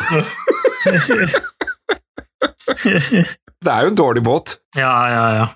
Det er ikke sikkert at den dealen var så god, egentlig. Nei, Han får jo sin egen båt og sitt eget liv, da, så han kan jo styre seg sjøl. han er jo stolt. Ja. Det var kanskje det eneste mange fanter tenkte som en reell mulighet for å oppnå. Det å få sin egen båt, være sin egen herre. Ja, jeg tror jo dette her også er en litt sånn, om ikke bonding-ting, så er jo dette her litt sånn at Fenrik viser seg for faren. Faren er jo åpenbart den viktigste i dette hierarkiet, og når han nå får seg en båt, så har han på en måte han har klart det enn så lenge. Nå har han gjort det han skal. Nå har han fått det til. Og så har han til og med fått søsteren sin som på en måte slave. Eh, han har i hvert fall fått søsteren sin som sånn underordnede. Ja. Og det, det godtar jo ikke søstera. Søstera skriker jo 'kyss meg i morgen'. når, når, eh, når Fenrik ber henne om å gjøre et eller annet sånn sett seil eller et eller annet sånt. Og Fenrik bare, så han bare retter seg litt i ryggen og er litt sånn forskremt, ikke sant? for han veit ikke hva han skal gjøre med dette her. Ja, Er det ikke et eller annet med at hun kaster jo også vann på den, eller et eller annet? Ja, og da roper han 'slaverkjerring'. Og vet du hva slaver hva det er? Um, tenker du på slavisk folk? Ja, ja. Jeg tenker jo kanskje det at disse romfolkene her, de har reist til Norge for å komme seg unna disse slaverne. Og så nå skriker liksom slaverskjæring som det største skje- skjellsordet han kan si til søstera si. Ja, ja for det, fant er jo ganske lavt i samfunnet fra før. Ja, ikke sant? Så han må enda lavere. Men altså, Ja. de ser jo ikke på seg selv som nødvendigvis dårlige mennesker. Nei da. De bare vet hva samfunnet tenker. Og så ser de på hvilken synes de er dårlige mennesker, og de tenker at de er slaver, og derfor kaller han henne for slavekjerring. Men det er jo poenget også, fordi vi bruker jo ofte fant, ikke sant? Og det er jo sidestilt med omstreifere Ja. og løsgjengere. Det er jo bare en betegnelse for noen som ikke har noe sted å bo. Ja, det er riktig. Mens, mens romfolk og sigøyere er jo et folkeslag som Ja. ikke bor noe sted. Men jeg har fått en følelse av at dette her er romfolk. Ja, men det kan godt hende. Jeg mener at den gangen ble betegnet som tatere, og dermed i dag vil være romfolk. Sebaldus er jo, virker jo veldig sånn utenlandsk navn, da. Ja, ikke sant? At det er poenget. Fenrik er jo kanskje ikke det vanligste norske heller, for alt jeg vet. Nei, kanskje ikke. Så jeg tror jo at disse har I hvert fall faren har utenlandsk opprinnelse. Ja, Og at han har reist til Norge på en måte er omreisende der. Kanskje broren sin da, og litt sånn, ikke sant? ja det er jo egentlig litt interessant, fordi kona hans, altså Tobine, det virker jo egentlig litt mer eh, skandinavisk navn. Ja, det, det vet ikke jeg, men Ja, ja, i hvert fall sånn par hundre år gammel, tenker jeg. I forhold til Sebaldus, for eksempel. Det kan godt hende, som du sier, at han er den som egentlig kommer fra utlandet, og så har de slått seg ned i Norge, og så har de andre fått norske navn etter hvert som de vokser opp. Mathilde, for eksempel, er jo et Ja. norsk navn, ikke sant? Peder og, og Håvard eller Halvard eller hva han andre het, ikke sant? Men dette her kan òg være noe med at det er manko på kunnskap om navn på denne tiden. Det kan jo godt hende. Og det kan òg være at det, når det er basert på denne boka, at det er fornorskinger av engelske versjoner av de navnene. Mm. Nå så skjer det da en ny scene som jeg synes er veldig god, som jeg likte veldig godt. Det er når Fenrik går på land og begynner å kose med denne hunden, og skal snakke med lokalbefolkningen. Og han skal prøve å selge denne klokka. Og da har han jo på seg de flotteste klærne sine, vest og hatt og tørkle i halsen og alt mulig rart, ikke sant? Og er en veldig sånn likende kar. Ja, ja. Men er også sånn typisk innpåsliten og skal selge deg noe hele tiden. ikke sant? Og så ser han på klokka di, og så Jeg husker ikke hva summen var, jeg, men om det var at den skulle få, koste 15 kroner, da, eller 10 kroner, da. Så det er 5 kroner, da, 4 kroner, 3 kroner, 1 krone, da. Og så bare bytte 1 krone. Han gir seg ikke uansett om denne lokale innfødte går og ikke vil ha noe med han å gjøre og sånn. Jeg tenkte ikke at han prøvde å selge klokken. Jeg tror at han prøvde å fikse klokka hans, og så prøver han å på en måte deale, betale litt for det at jeg har fiksa klokka di. Nei, men det er jo to klokker. Ja, men han fikser jo klokka til han som går forbi, Nei. for han tar jo klokka til han som kommer gående forbi, og så fikser han for det er et eller annet gærent med den, og så leverer han den tilbake, og så begynner han å ja, men kan jeg få ti kroner, fem kroner, tre kroner for den jobben? Jeg tolka det som sånn. Nei, er, han sier 'skal du kjøpe klokka i dag?' Og så svarer han nei. Og så spør han 'bytte klokka', da. Ja, Og så svarer han ja, kanskje det, da, hvis det er god klokke, liksom. Så får jeg se på klokka, sier han. ikke sant? Og så, og så begynner dette her, da, så begynner han å se på den, og så hører han på den, og ja, og det er en pinchback-klokke. Og så tar han fram sin klokke, og så viser han denne her er mye bedre, så kan vi ikke bare bytte? Han vet jo at den klokka han har, den er mye mindre verdt enn den klokka han, han bondegutten har. ok, men det høres jo egentlig logisk ut, da. Og dette var en scene som jeg så litt på, for jeg syntes den var litt spennende. da. Jeg synes det var morsomt, at jeg kjente dette er så utrolig godt igjen fra når jeg er ute og reiser. og sånn. Dette er sånn irriterende atferd. Og Hvis dette her er oppfatningen som nordmenn hadde av, av eh, disse omstreiferne, så er det klart at de har et negativt syn på dem. Det er jo helt åpenbart. Fenrik stjeler jo den der skinka. Den er litt sånn finurlig, fordi det er jo det med den hunden, er det ikke det? Ja, fordi at når han hadde forsøkt å selge noe til han eh, bonden i utgangspunktet, så hadde han jo kost med hunden. Og det er for at hunden skulle kjenne han igjen som en sånn positiv sak, sånn at ikke hunden skulle bjeffe på han når han kom tilbake senere for å stjele skinka. Stemmer det. Og det er jo ikke en liten skinke heller, han tar jo med en gigaskinke. Svær som magen hans. Ja, ikke sant? Den er jo kjempestor. Vinner litt plusspoeng hos Mathilde. Ja, fordi han påstår at han har kjøpt den for ti kroner. Yes, men Mathilde kjenner nok eh, reven på hårene her, altså. Og, og tenker at eh, dette har han stjålet. Hvis alle i familien stjeler, hvorfor trenger han egentlig å lyve om den skjenka? Jo, men han er, ønsker å være litt bedre enn henne, da. ikke sant? Han vil opp i rangstigen. Ja, Han skal jo liksom være like bra som faren, på en måte. Selv om ikke faren er så Ikke stjeler like mye. Ja, minst like mye, ikke sant. Han har nok en bok full av triks, tenker jeg. Og så kommer jo lensmannen, og da får han jo total panikk. Jeg vil jo også tenke at hvis man vet at det er fanter i nærheten, og det er et tjuveri som er meldt inn, så tenker man ja, men da sjekker vi de først. Dette er et typisk, typisk bilde på samtiden. At når det foregår noe gærent, da er det fantene som har eh, gjort det. Det var viktig å finne en syndebukk istedenfor å være rettferdig, hvis man kan se det på den måten. da. Det som kanskje er viktigst her, er jo Eller det er to viktige ting som skjer i den scenen her. Det første er jo at Mathilde faktisk gjør som hun skal, og gjemmer skinka. Ja, Og kommer med litt sånn artige kommentarer til han lensmannen som skal søke. Her skal du ha denne skinka òg? ja Og- og til gjerne se på liksom. skinka mi, liksom. Ja, og så brenner hun seg over. Og så flyr han jo ut. Ja, ikke sant? Å nei, fruen. Og det andre er jo at Fenrik får vite at mannen til Mathilde sitter inne i tre år. Ja, av lensmannen, ja. Ja, Og han trodde jo at dette var bare noen dager, og så skulle han bli kvitt Mathilde. Men nå vet, skjønner han at han er jo stuck med Mathilde i tre år. ja. Og da skjønner han også at kanskje dette er grunnen til at faren, at faren sendte Mathilde med han, ikke sant? I denne samtalen så er det også noe annet interessant som kommer fram. Fenrik som forteller om hvem han er. Jo, han er sønnen til Sebaldus. Ja, han kjenner du sikkert. Jeg tror også det at Fenrik har litt høye tanker om faren. Som at han er superstjerne, liksom. Men det kan òg være en litt sånn overlevelsesteknikk som han har lært av faren. At du må si det. Fordi at jeg er godt kjent, og jeg er en skikkelig kar. og Men det er jo litt pussig, da, for hvis Sibel, Sebaldus Sibelius Sibaldus Ja.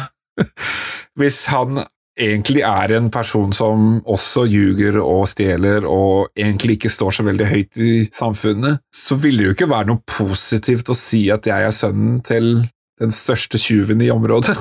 Nei, men, han, men jeg, det skjønner jeg jo, men poenget er vel det at man skal være stolt av noe, da, tror jeg kanskje. At man skal være stolt av familien sin. Jeg tror ikke det er fordi at du skal komme unna med, med feil ting. Det er, ikke, det er ikke sønnen til presten, dette her, liksom. Fenrik han vet nå at Mathilde må bli på båten i tre år til. ja. Men hun vet jo ikke det. Nei, Så han forteller henne. Gjør han ikke det? Nei, det gjør han ikke. Nei, han- sorry. Nei, nei, nei, han holder det jo for seg sjøl. Ja, Fordi han bruker jo da det mot henne. Altså, ja, men skal ikke vi reise til eh, Kristiansand Kristiansand eller. Arendal eller hvor det er? Ja, De skal reise til Kristiansand, og grunnen til at han vil til Kristiansand, er jo at hun dama som han vinka til i starten, er, er der. Er det ikke det? Helt, helt i starten av filmen så, så står Fenrik på båten, og så ja. Og så vinker den unge damen. Ja, da vinker han til en ung dame. Ja, Den men det dama, er er, ikke, er ikke det Kristiansand? Nei, for det er jo der hvor eh, Helt i starten, hvor de kommer inn til det lille tettstedet. Josefa står jo rett ved siden av. Ja. Ok, greit. Jeg, ok, jeg skjønner hva du mener, fordi han stikker jo av, han nå snart.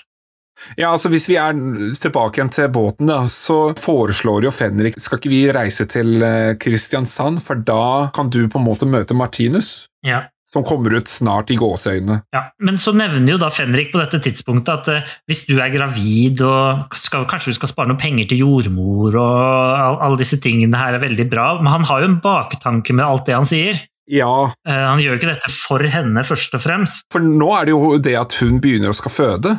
Altså, Jeg trodde at det skjedde noe med henne, altså at hun, det skjedde noe med barnet. på en måte, Spontanabortaktig på en måte den gangen jeg så, så det. Men så skjønte jeg jo etter hvert at dette var jo fordi hun skulle føde. Jeg tenkte jo faktisk her at uh, her er jo, viser jo faktisk Fenrik fra sin humane side. Ja, det, det gjør det jo. Altså at han egentlig vil henne godt, da.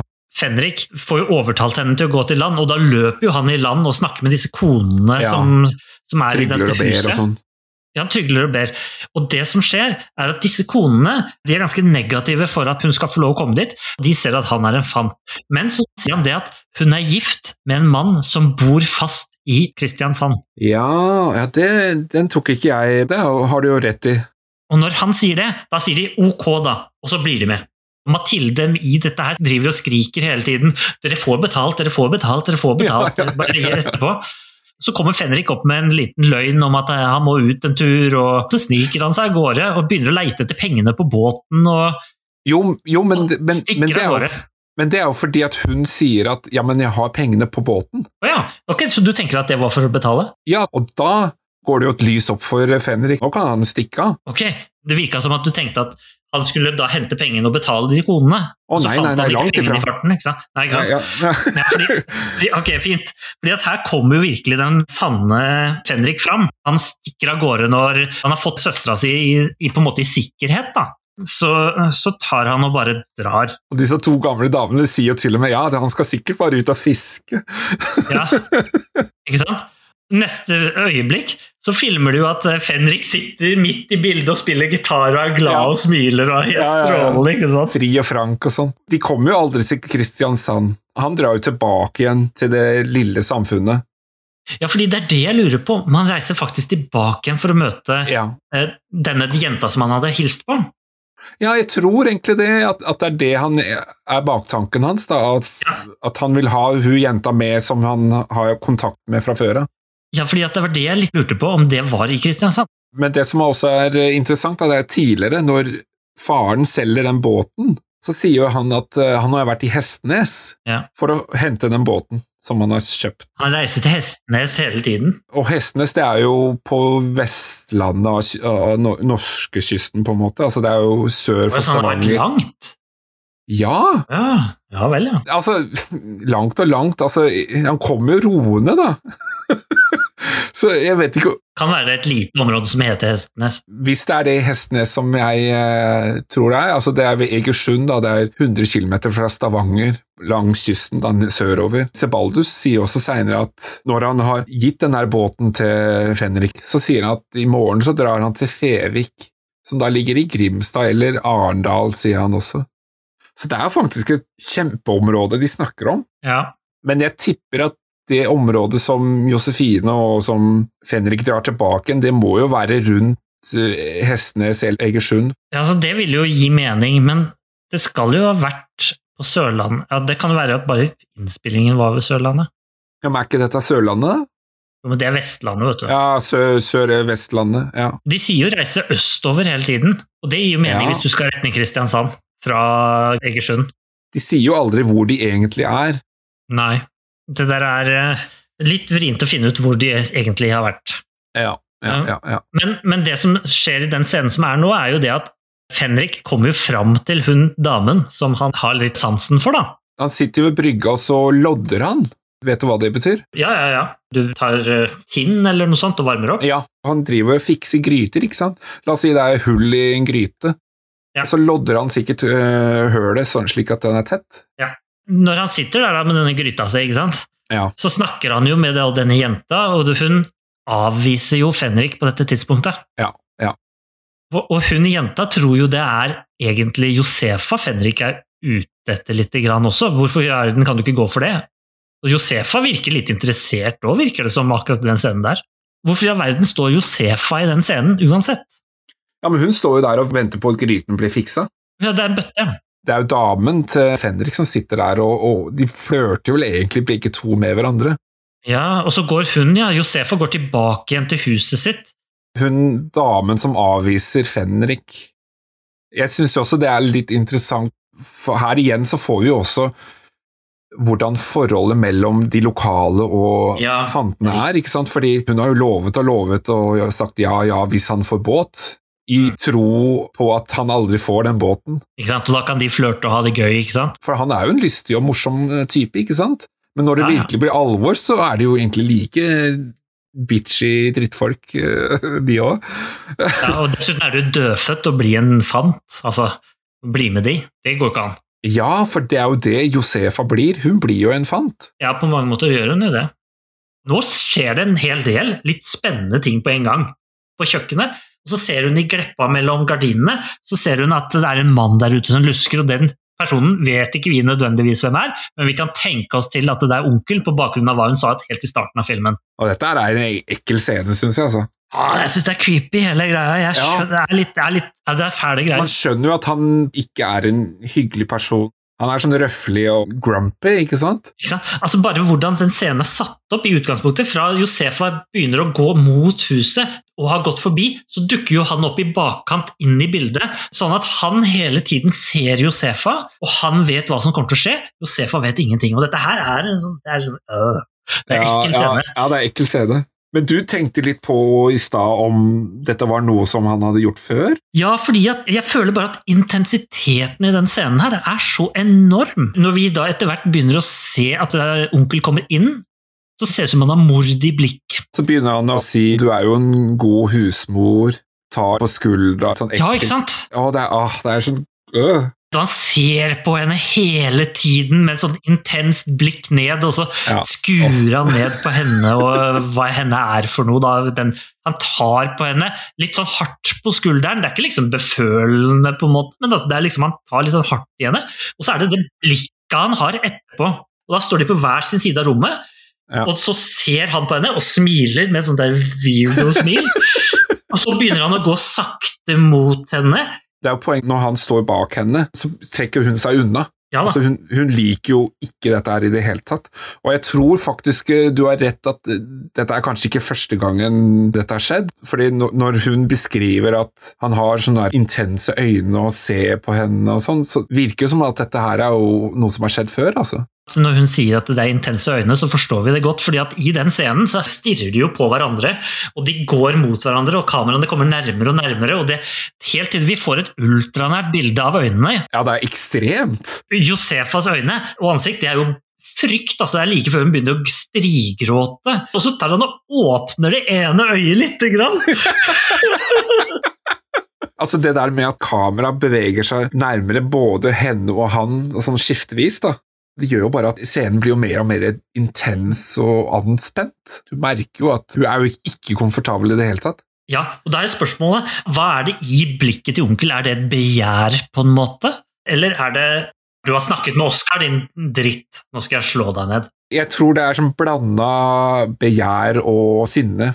Han liker jo ikke at hun er sammen med Oskar, kanskje fordi han egentlig er interessert i henne sjøl. Og så er det jo blikk som viser litt begjær òg, syns jeg. Og kroppsspråket hans viser jo også det. Det er mulig at denne scenen egentlig er mer uskyldig enn det vi tenker, fordi vi har sett mye film av nyere tid. At i 1937 så var det vanlig at mannen i huset slo, liksom. At det er frykten for å bli slått som vi ser her, egentlig. Og Det er også en ting jeg lurte på. Hvorfor i all verden tar han og letter litt på hatten? Du letter ikke på hatten hvis du har tenkt å slå ned noen eller slappe til noen. eller noe sånt. Nå skal jeg lette på hatten, skal jeg slå til deg. Så hun dukker under armen idet han tar og løfter på hattebremmen. ikke sant? Stikker av gårde, og vi vet ikke egentlig hvor hun blir av. Nei. Inntil vi ser da Fenrik sitter og spiller på gitar igjen inne i båten sin. Og så dukker plutselig Josefa opp av lasteluka. Jeg har en høne å plukke med Ibsen her, altså. Jeg har stor respekt for hans verk, altså, men jeg syns her mangler det noen scener. Ja. Her kunne de kanskje ha vist at hun var på havnen, og han var på havnen og skulle dra, uten at de nødvendigvis viser at hun sniker seg om bord, men bygger litt opp forventningene av hva som kanskje kommer til å skje seinere. Jeg er helt enig i at her mangler det noe greier, men vi får jo en forklaring. Når hun dukker opp av lasteluka, så sier hun jo at 'jeg gjemte meg her mens du var i land', og jeg så jo at du var i land, så jeg løp i denne båten. Og Det kan fortelle noe om at hun var kanskje litt interessert i Tenkte at han virka som en hyggelig fyr når han eh, fiksa bøtta, f.eks. Ja, men så var det kanskje også det eneste båten som var der. Ja, ikke sant? Så det er en nødsituasjon, så han, han virka ikke farligere enn onkel, på en måte. Og så tror jeg også at hun er litt sånn besnæret av det derre livet, da. Det kan godt være. Jeg har en ting til også. Ja. Fordi Det er jo kjempemorsomt, fordi Fenrik sitter jo på båten og spiller sorgens blues her. Syng, Det er mye visesang her. ja, jo, men det han synger, er jo at hennes munn har slangens Ja, tunge. Stemmer det. Den giftigste av alle frukter. Dette er jo bibelreferanser. Ja, med Eden, Edens hage og sånn. Edens hage, ikke Ja. sant? Med, med slangen da, som skal snakke med da, Eva. Og så kommer hun rett etterpå. Ja, ikke sant? Hun stiger opp som slangen, opp av lasteluka. Det er faktisk ganske bra parallell, altså. Ja, Interessant. men det er jo litt morsomt at dette faktisk skjer. Og jeg kan jo tenke meg det at han var trist fordi at hun dama hadde forlatt han eller noe sånt nå. Ja, for han synger jo om hun andre, er det ikke det? Ja, ja, ja. ja, ja. Det er det han gjør. Men filmen drar jo parallellen til Josefa. Ja, jeg vet. Men jeg har også en problem med denne scenen. Et til problem. Fordi det er kronologien her som ikke stemmer. Ok. Når han fikser bøtta og får betalt for bøtta, så går han opp i båten og gjør seg på en måte klar til å reise eller noe sånt. Ja. Josefa kommer jo senere og gjemmer seg i båten, og da sier hun at han er på land. Så hvorfor har han gått tilbake på land, og så eventuelt kjøpt noe, da? Og så kommet tilbake, og så satt seg tenker, Å nei, nå ble jeg trist fordi at hun dama hun ville ikke ha meg likevel, så nå må jeg synge denne bluesen. ja, jeg er enig i at den hopper og springer litt. Ja, Og vet du hva? Det er jo faktisk en scene der hvor han ser over på en brygge, og der ser det ut som det er hun andre damen som driver og, og hopper opp i en båt. ja, det er sant. Ja, kanskje hun, kanskje hun hopper opp i en båt med en annen mann.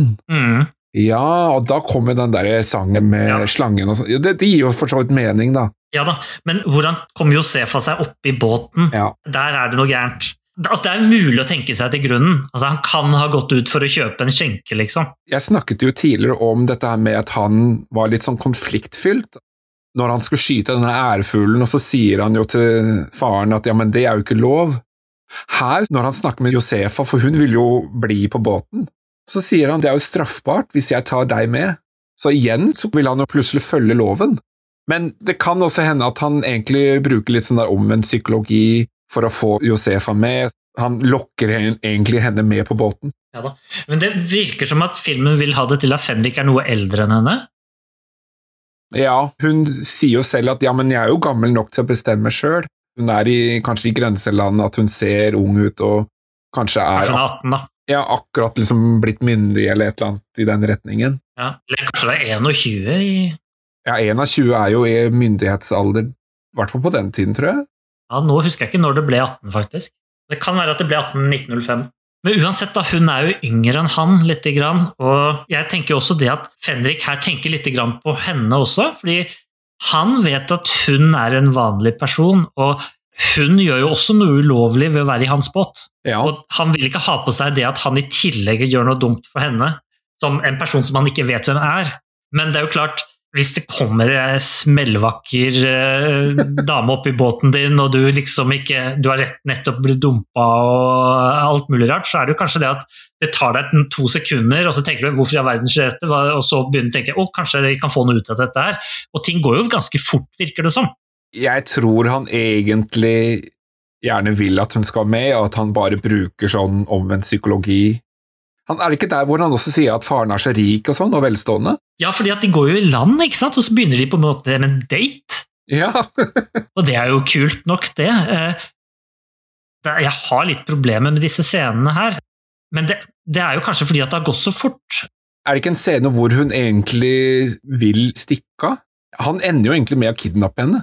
Ja, fordi at dette her som jeg tenkte på at Jeg lurte på om det ble sagt noe helt på slutten der. Hun blir jo trukket ned i båten av Ja, ja. Henrik, og hun stritter imot. så at Hun blir jo kidnappa, jeg er enig i det. Og at hun ikke hadde, hadde noe lyst kanskje til det, men i hvert fall ikke mot sin egen vilje.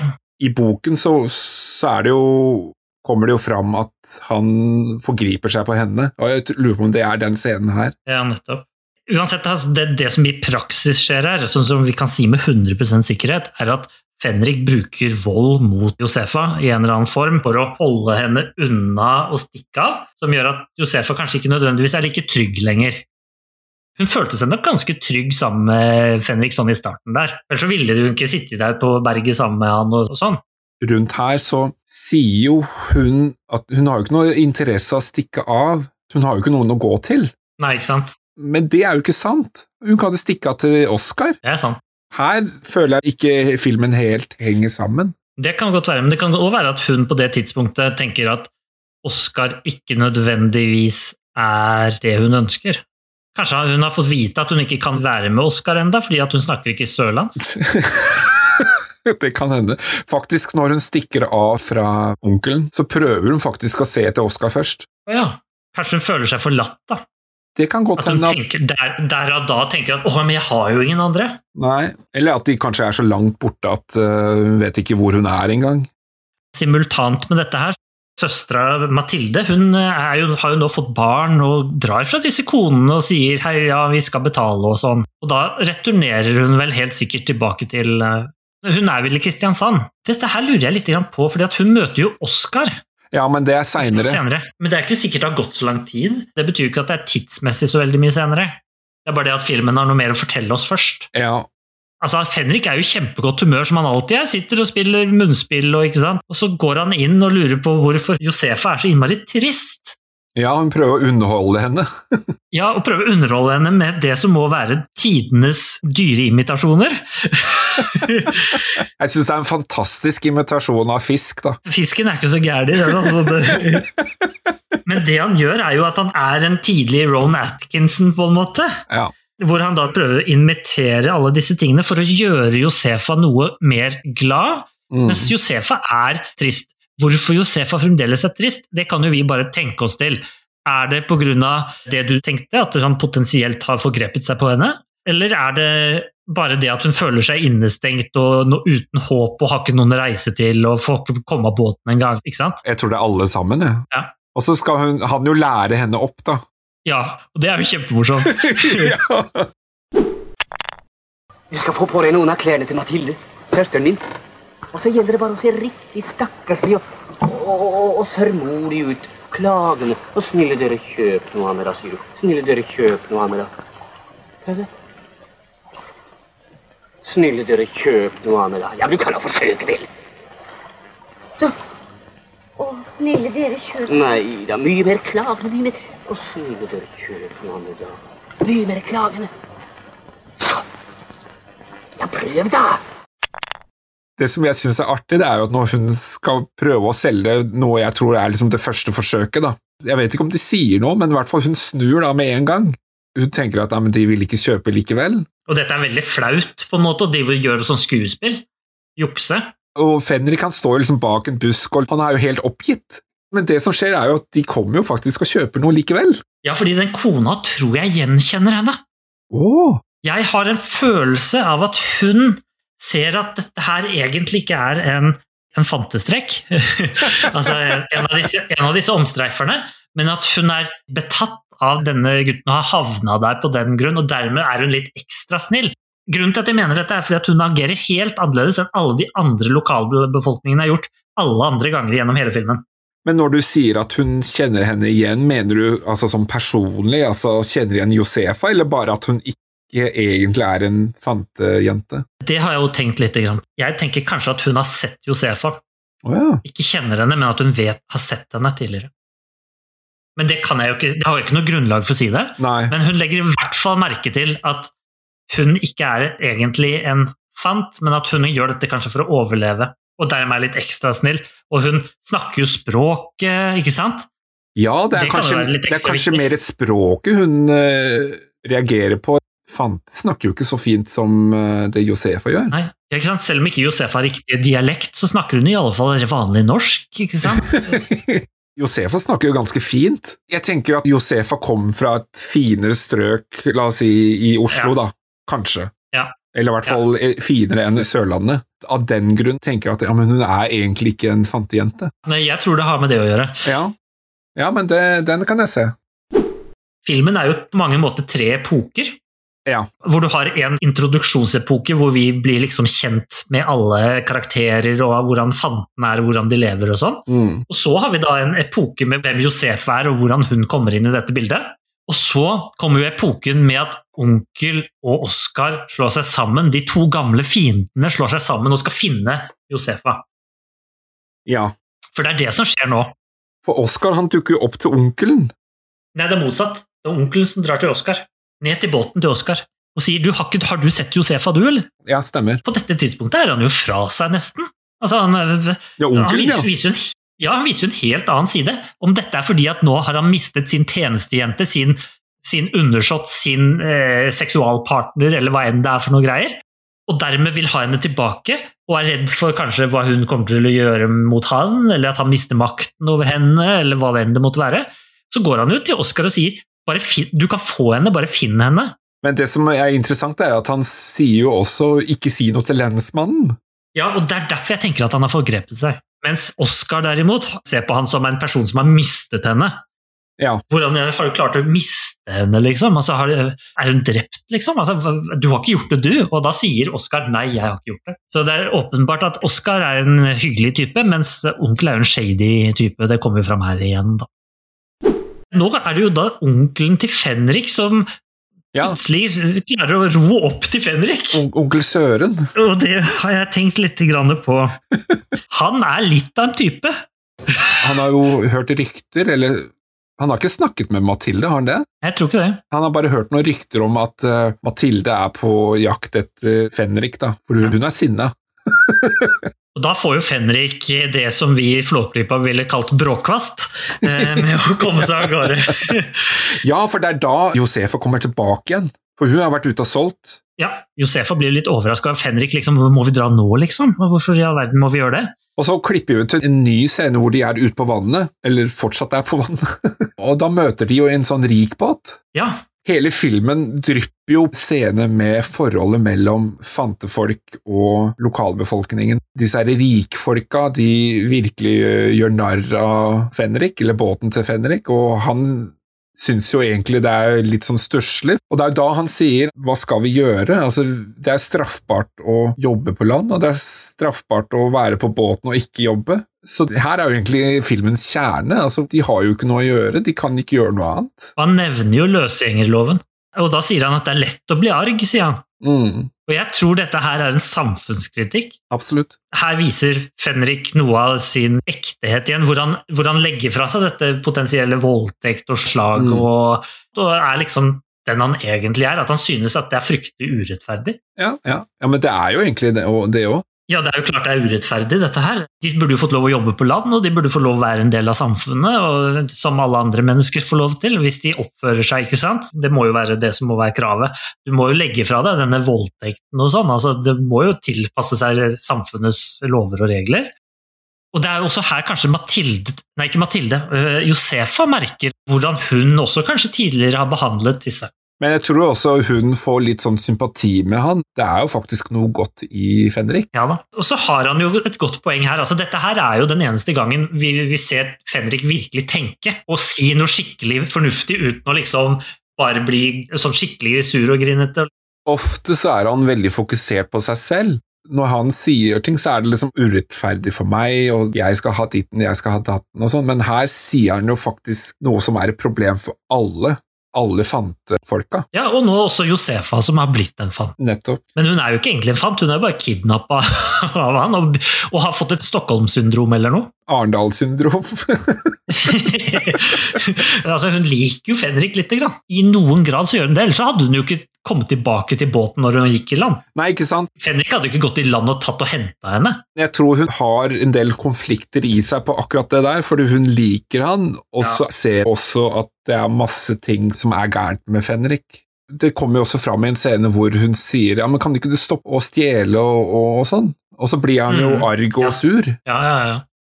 Det er, eh, det er hjerne mot hjerte. Mm. Men da er vi jo i havnen hvor Mathilde Jeg møter Oskar. Ja, prøve å finne en lift til et eller annet sted vestover. Målet er vel egentlig bare å eh, seile og se om hun Ja. finner Fenrik. Prøver vel egentlig å få tak i Martinus, det er vel egentlig det hun skal. For hun vet vel fortsatt ikke at han ikke kommer ut med en gang. Har ikke hun fått vite det nå? Ja, hvem da? De som hjalp henne når hun fødte? Vet de det, da? Jeg veit ikke. jeg. Nei, kanskje ikke.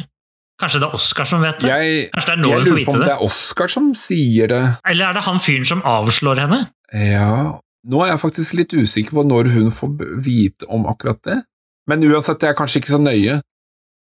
Hun vet det på dette tidspunktet. Ja, ok. Ja, Og så skal han plutselig østover likevel. da, nei, men da hører Oskar det, for han går bak henne. Og da tenker Ja. han å, jeg kan hjelpe Ja, ja, ja. henne.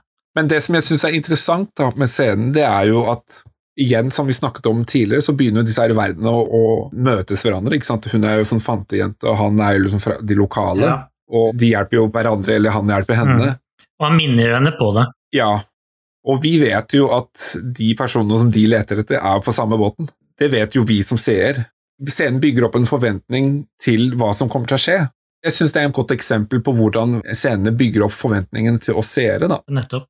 Det som skjer nå, er jo de seiler forbi denne festen hvor det danses og sånn, og Fenrik minner henne på Josefa på at eh, du har ikke noe på land å gjøre du nå, du er fantejente, du får ikke lov. Han sier vel det nesten bokstavelig, eh, tror jeg, at du er fantejente nå. Det er jo nok til å bli deprimert da. Ja, da blir hun deprimert, sant? og hun går ned i båten og sånn, mens Fenrik står der på styrer og synger og ler og har det gøy. ikke sant? Han, han er livets glade mann uansett, og så går de i havn og maler båten hvit, dvs. Si topprekka hvit. Ja, for hun syns jo det er en fin farge, og vil jo at hele båten skal være det, men han bryr seg ikke Nei. om det. Tingene. Han skal bare ha den til å se litt annerledes Ja. ut. Dagen etterpå så Mm. vekker Josefa Fenrik og sier du, Fenrik, det ligger tre båter inntil vår båt. Og så ser han da at det er faren, da, ikke sant? Og faren er veldig kritisk til at han har malt toppen av båten, fordi da ligner det ikke på fantebåt lenger. Ja, han har skjønt greia. Han har skjønt hvorfor Fenrik har malt den fordi Fenrik ikke vil bli gjenkjent. Ja, ja, ja, ja. Det kan godt være at han gjorde det i sin ungdom, for alt vi vet. Og så kommer den morsomme scenen hvor Fenrik sier at han har byttet ut Mathilde med Josefa. Og så Ja, ja, ja, alle sammen er enige i at det var bra bytte. Ja. Faren og mora, alle sammen. Det er jo faren som sier det. Ja, mora er jo med og ler og syns Ja, det er gøy. Alle sammen er enige. Faren som sier det, ikke sant. Uff, det er helt forferdelig. Det er tragisk, altså. men litt morsomt. Jeg lo av den, altså. Josef og Fenrik de får det så for seg og skal ut og fiske hummer. Ja, det var det at de hadde dratt opp en teine litt grann tidligere, når de var sammen med alle de andre, og da hadde de bare fått en pinne. Og nå skulle de da viste de hvem som hadde fått hummer, så da dro de og fiska hummer i båten til faren, var det det? Ja. Eh, ja, det er i hvert fall en liten jolle, er det ikke det? Som han driver og ror rundt og så, så Han ror jo rundt til alle disse stedene, og så stjeler jo hummer fra alle andre. Ja. Det er noe som er rart. Når de snakker med faren sånn i utgangspunktet, så sitter jo han og tvinner sånne metallpinner rundt hummerkloa, ikke sant? Og så når de driver og tar opp disse hummerne, så har de sånn metallpinner rundt kloa. Så det kan være noe alle gjør. Men så sier jo han at hun må passe på å ikke bli bitt i fingrene. Men de kloene er jo satt sammen med metalltråd, alle sammen. Hvorfor i all verden sier han det da? Jeg veit ikke. Så det du sier at når de ror ut til den teinen som eies av en annen fisker Jeg lurer på om de tar det fra båten til en annen fisker, eller er det fra teinen? Ja, De tar det kanskje fra teinen? Nei, jeg lurer på om de faktisk tar det fra båten, og da gir det jo mening at de er snøra opp. Ja. Hvis det er fra teinen, ja nei, så er det ferdig er- snøra, så, så, så gir det ikke Nei, nei, nei. Ja, ja, det er fra båten, men så sier han det at du må passe på fingrene, og det tror jeg er fordi at hun jobber så sakte. Hvorfor i verden passer du på fingrene dine når de faktisk har kloene satt sammen? ikke sant? Slutt å være så pinglete og bare ta i de. Men det er en veldig rar kommentar å si at han skal må passe på fingrene sine. Så uh, dukker jo da plutselig Oscar og Mathilde opp. Det er jo egentlig filmens klimaks, egentlig. Altså Fenrik og Mathilde begynner å slåss på Ja, dekk. og på dette tidspunktet så er jo Josefa under dekk. Og det er en voldsom slåsskamp. Det blir trukket kniv. Ja, og det er jo her den scenen hvor hun faktisk blir skada i virkeligheten. Ja. Hun um, Guri Stormoen. Det er en ganske heftig Ja, og faren kommer jo løpende ikke sant, med båten og greier. Fenrik ligger helt utslått på båten, så tar hun og valser ned inn i båten og møter Josefa inne i båten. Og blir litt overraska når hun ser Josefa. Hvor er Oskar oppi alt dette Oskar står jo på båten, fordi han har jo ikke funnet Josefa. Står ikke han og ser på alt dette her? Han ser jo på, slåss? han ser jo på slåssinga. Så han må jo vite at, at hun er skada? Mathilde. Ja. Det er ikke sikkert at det var det, men jeg tror de tilkalte faren fordi at nå slåss begge barna hans. ja. Dette må han ordne opp i, det er jo han som har pondus til å ordne opp i sånne slåsskamper. Så derfor må han gjøre det. Og så når Ja. hun kommer ned, så ser hun Josefa. Det er da det går opp for Mathilde, tror jeg, at eh, Josefa er i båten. Og så skal hun si at Oskar er der oppe og venter på henne, men hun gjør ikke det før hun liksom segner om. Så Josefa vet at, at han er der? Nei, han, hun får ikke det med seg. Faren er jo kommet inn i båten. fikser opp Ja, Mathilde? fordi at han sier til det er, det, det, Han gjør egentlig ikke det. Han sier til Josefa 'hent vann og klut og hjelp'. Og så tenker han 'å, shit', så han går opp på dekk, og så sier han til Oskar Mathilde ble dårlig, hun falt i trappa, og hun kan ikke si ha det, hun har veldig lyst. Jeg vinker for Mathilde, og så Verdens dårligste forklaring. Ja, Han later som at eh, han snakker med Mathilde og får henne, og så drar Oskar. Og han gjør det for å passe på familien sin. Han legger sammen to og to. Dette er Josefa. Han kjenner kanskje henne også, og skjønner at Oskar skal ha tak i henne, og sier her er det ingen Josefa. Sebaldus utstøter jo egentlig Fenrik, han sender jo han bort. Og det er vel fordi at han faktisk har prøvd å nærmest drepe Mathilde. Men i tillegg til det, så ser han også det at han har brakt med seg Josefa, som er et vanlig menneske som kan skaffe disse folkene et problem. Han sier at hvis du legger en hånd på Josefa, så skal jeg skamslå deg. Hvis du gjør noe gærent med Josefa. Det var jo egentlig litt av det vi var inne på tidligere, at det er jo ja, naturligvis straffbart å kidnappe folk. Ja. altså, altså Det er jo straffbart. Hun har norsk pass. Er det straffbart hvis hun selv vil det, da? Altså, men hvem, Noen må jo anmelde det, selvfølgelig, men eh, det kunne jo onkelen gjort. Det er jo det de har gjort. Er ikke spørsmålet i forhold til det om hun er myndig eller ikke? Mathilde sier ja, men du er jo bare barnet. Så det kan jo hende at hun egentlig har ljugd på seg at hun egentlig er gammel nok til å bestemme sjøl, men egentlig er egentlig så er 15 år, liksom. Ja, kanskje. Så sier jo faren også at hvis jeg noen gang får høre at du mishandler Josefa, skal jeg skambanke deg. Og det Ja. er nok noe med at hun har en høyere status enn det sønnen hans har. Eller så kan det være at hun hjalp han med å redde søstera, som han holdt på å ta livet av. Det er litt pussig, fordi de, det virker jo ikke som at kvinner står veldig høyt hos mennene der. Nei, men fanter står ikke så høyt i kurs. Men kanskje vanlige kvinner står over fanten. Selv blant fantene. Ja, Sebaldus kjenner jo til lovverket. Og han vet jo at hvis en fant blir tatt for å gjøre noe gærent med en ikke-fant, da er du i stor trøbbel. Eller så kan det være det at hun er rett og slett ikke myndig. Hun er rett og slett barn. Og det er jo et problem. Den kan jeg se hvis det er faktisk en kidnapping av et barn. Ja. Så kan jeg se at han reagerer. Fenrik lyver jo som bare det også. Hun bare Plutselig traff hun kniven min. Hun tredde seg på kniven. seg på kniven. Er det, er det her for noe tullball? Han prøver jo alltid å, å legge skylden på alt og alle andre, ikke sant? Det er noe rusk i denne fortellingen her, med dette her med Josefa, og hvorfor Josefa er mer verdt enn de andre. Du får ikke forklart alt der, altså. Det kan jo være at faren også på dette tidspunktet ser Fenrik som en potensiell morder. Som Ja, altså, det var det jeg trodde først, at det var derfor han utstøtter han fra familien nå. Ja, ja og at han Fordi han faktisk gjort et drapsforsøk mot sine egne. At det gjør man ikke i familien. Nei, det er klart, det gjør man jo ikke. Det er noe rart da, fordi plutselig så er liksom faren blitt moralsk riktig. ja, fordi at det vi nevnte helt i starten, at eh, faren sa at han hadde tuktet kona til å lyde han. Ikke sant? Og det er klart at han er jo en voldelig type, men det er kanskje han ikke liker det ved seg selv. Og nå ser han det samme i Fenrik, og tenker at hvis dette her skjer igjen med det, det som da jeg anser som kommer til å bli din kone, du gjør det igjen, da, da banker vi deg, altså. Men det er det jeg ikke helt skjønner. Hvorfor er det greit at han gjør det, men ingen andre? Nei, men det er jo ikke greit at han gjør det. Han, har sett, han vet han har gjort det, og han liker det ikke. Jeg ser ikke liksom han som en sånn angrende synder. Men kanskje han er det. Kanskje det er nå vi får vite at han faktisk er en angrende synder, at han er, egentlig er en bra fyr.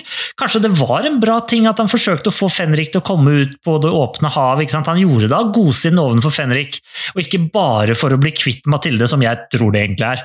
Selv om han har liksom sagt at han må tukte kona til å lyde og sånn, så betyr ikke det kanskje at han mener at han burde banke henne og holde på å drepe henne eller voldta henne eller sånne type ting. At han derimot mener at det burde være han som får lov å bestemme, for han er mannen i huset, og konen skal lyde, men det skal jo helst skje skikkelig.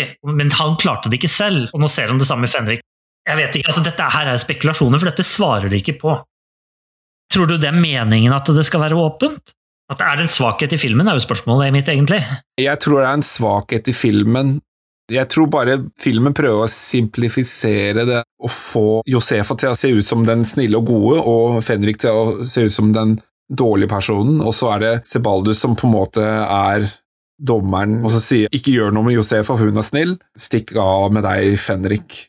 Eh, altså, uten at den egentlig prøver å forklare noe dypere ut av det. Men så er det en logisk brist der i sted. Hvis ikke hun hadde redda Mathilde, så tror jeg ikke Sebaldus hadde brydd seg noe særlig. Nei, antageligvis ikke. Det virka jo ikke sånn. Det virka som at det var viktigere å sørge for at denne Oscar ikke skulle få nyss i at eh, Josefa var der. Og så, Dette er jo riktignok første klimaks, kanskje, eller noe sånt. Altså det, jeg vet ikke helt hvordan du skal se det. Josefa og Fenrik drar ut og skyter alker. Ja, de skal på alkejakt. Og Fenrik har aldri sett så mye mat i hele sitt liv, ikke sant? så han tenker at dette skal vi gjøre, vi skal skyte så lenge det fins alker. ikke sant? Den her scenen er morsom, syns jeg. Hvis man setter den opp i forhold til forrige scenen, så føler jeg ikke Fenrik har lært noe i det hele tatt. Nei, det heter ikke han lærer ingenting. Det er sånn som altså, Han roper og skriker at hun skal ro dit, og så skal hun ikke ro, og så skal hun stå stille, og så skal hun flytte seg. Alt er gærent, uansett hva hun gjør. Ja. Alker er, ja, det er, det, det, og så er det det at han gjør alt dette for alker. Alker er noe dritt å spise. Er det det, da? Ja, fordi det er en slags type måke, så det smaker jo tran. For å ikke at det skal smake tran, så må du ha det liggende i kjernemelk i en uke eller noe sånt i forveien, og så skal det stekes over lengre tid Men- bla, bla, bla. Men mener du at man kan lage tran ut av det? Uh, nei, men det smaker tran av det de spiser. Ja, ok. Ja, for jeg tenkte at kanskje han ville bruke det som noe annet enn å spise. Å ja, nei, nei, nei. Eh, Det tror jeg ikke. Man brukte også noen ganger alkefett i panna for å steke ting, og da smakte jo maten fisk. Men noe som er bedre enn når de brukte bare ren tran til å steke. En annen eh, bra kommentar da, det er jo at hun sier at hun har så mange vabler, Mhm. og så sier han 'det går over hvis du bare ror videre'.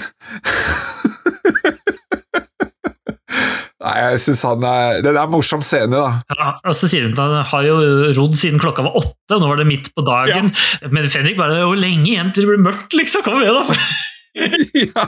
Ro dit, ro dit! Nei, ikke dit! Og hun blir jo mer og mer sliten, og selvfølgelig og, Det er jo en lang scene. Den drar faktisk ganske langt ut, den der alkejakten. Ja, og så er alkejakten for så vidt over. Så skal de tilbake til byen for å skyte mer. Al- Hun skal de skyte fra land fordi at hun ikke orker å ro mer, tror jeg. Men han drar vel aleine? Ja, men han spør blir du ikke med, for vil du ikke være med, så skal vi dra inn til byen eller noe sånt. Nå. Og hun, Ja. sier, hun ber om å få lov å slippe å være med. Og det er da han driver og sikter på disse fuglene. Så er det jo sånn at eh, på denne tiden så har jo onkel og Oskar fått nyss om at det er her Josefa befinner seg. Så Oskar er jo på vei forbi i båt og driver sikter. Det jeg tror er fuglene. Så kommer da Oskar forbi. Er det Oskar som seiler der? Ja, Nei, det kan ikke være Oskar. jo, det er Oskar. Nei, for han, nei, for han er jo Vi ser jo Oskar seinere. jeg vet det. Men han ligger i gresset, så skyter han, og så skriker jo den personen ikke sant? Og ser ut til å dø i båten. Og du mener at det er Oskar? Jeg mener at det er Oskar. Men det er kanskje ikke Oscar. Han har mørkt hår, forresten. Det kan ikke være Oscar. Det kan ikke være Oscar, fordi en seinere scene så ser vi jo Josefa er tilbake i et hus sammen med Oscar. Yes, men det er fordi at jeg tror at Josefa gikk ut for å leite etter Fenrik, og fant den døde personen, som jeg da tenkte var Oscar, og hjalp han til å komme hjem, og så ble han redda fordi han ble skutt i rumpa eller noe sånt. nå. Så overlevde han når han lå på sofaen der, eller senga. Ja, jeg tror ikke det er Oscar. Nei, jeg syns han hadde veldig mørkt hår når jeg så etter andre gangen. Jeg tror bare det er en tilfeldig eh, forbiseilende. Det kan jo selvfølgelig ha vært han. Jeg har inntrykk av at han blir drept, altså han mannen. Ja. De ser fryktelig like ut. Ja, Det er litt interessant, for hvis det er Oscar, da, så kan det jo hende at de er med på at Josefa får mer sympati med Oscar igjen. Mm. Jeg tror fremdeles Jeg lurer på om det er Oscar, ja, altså. Ja, Det står ikke nevnt noen andre personer i rollelista enn Oskar. Oscar. Jeg kan ikke tenke meg at det er en annen person. Ingen andre er kreditert. Og den er jo en vesentlig rolle, fordi Fenrik sjekker ikke om han er død. Og han tar bare båten, og så stikker han av gårde, og det klikker jo for Fenrik her. Altså, han driver jo og skriker mot himmelen, og? Han, han, er, han er jo sjokk, ikke sant? Han mente ikke å skyte ham. Altså, det er jeg 100% sikker på at han ikke gjorde, med vilje. Ja, ja, det tror jeg også på at det er et rent uhell. Og dette viser til starten av filmen, hvor han siktet på Oscar, hvis du husker det. Derfor tror jeg at det her er Oscar. Og jeg tror For det var også Oscar i starten. Yes. Ah, Og når han nå ser okay. at han har faktisk skutt Oscar, så får han helt sjokk. Skjønner at 'å, oh, shit, hvem er dette her?' Og han bare seiler rett utover ikke sant, med denne båten og prøver å bli kvitt båten. Dekker sporene sine og sånn, og så stikker han jo egentlig av. Ja, ikke sant? Og så er han helt i kaos, sånn at han faller ut av båten. Og så blir han, båten sirkler rundt han mens han prøver forgjeves å få tak i båten og blir helt utslitt og dør. Drukner. Og I mellomtiden der så tror jeg Josefa har gått etter Fenrik og funnet Oskar, eller at onkel har funnet Oskar, En som vet hvor Oskar er. Og at vi dermed ser Oskar igjen. Ligger syk i senga. altså Han er jo skutt, så jeg tror at han ligger i senga for å bedre seg. Jeg oppfatta det litt annerledes. Jeg tenkte ikke på at det var Oscar som han skøyt.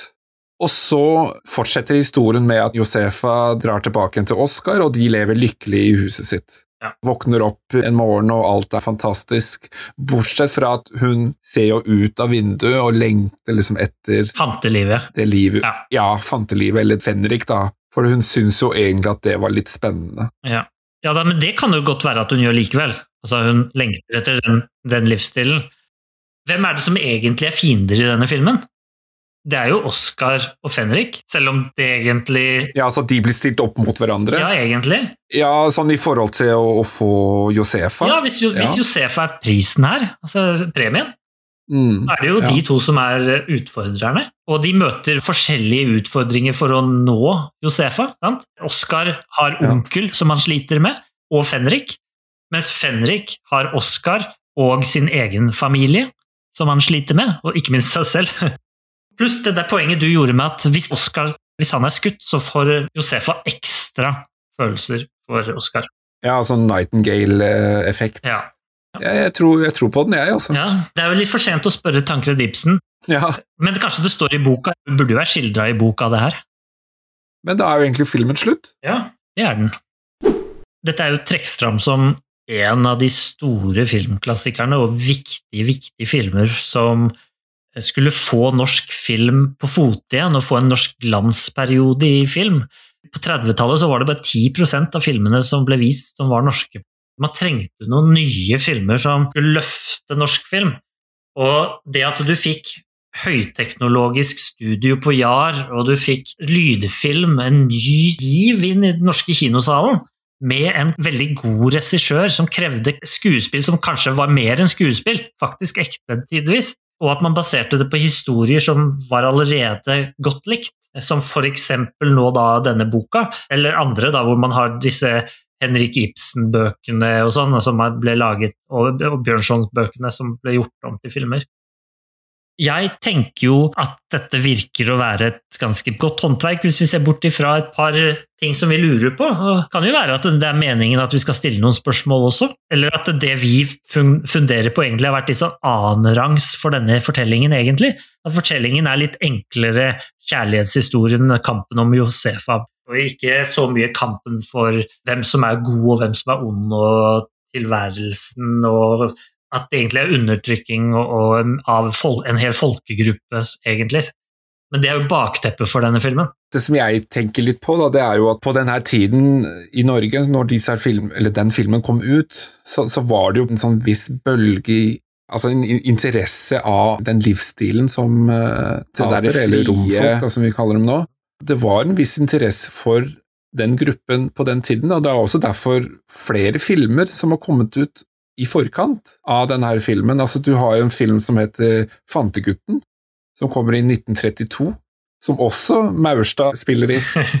Og det er en film som kommer i 1926, som heter Den nye lensmannen, som også har et tatertema, hvor det er en tater som gir seg ut for å være en lensmann. da.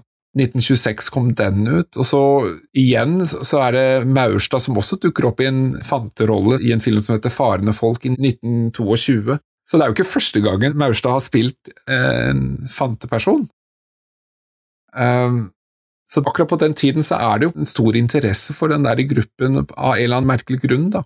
Kanskje det sammenfaller litt med det der nasjonalromantiske, at man skal ut i naturen, man skal være fri.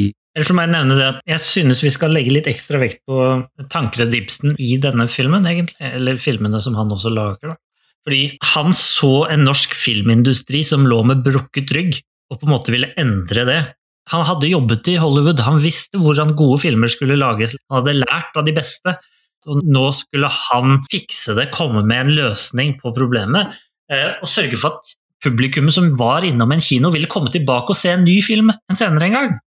Fordi Hvis filmen du ser er dårlig, så vil du ikke komme og se en ny film heller. Eh, Så han ville sørge for at filmene han lagde, i hvert fall, at de holdt en standard at avstanden mellom det som produsertes i Hollywood og det som ble produsert i Norge, ikke skulle være så stor.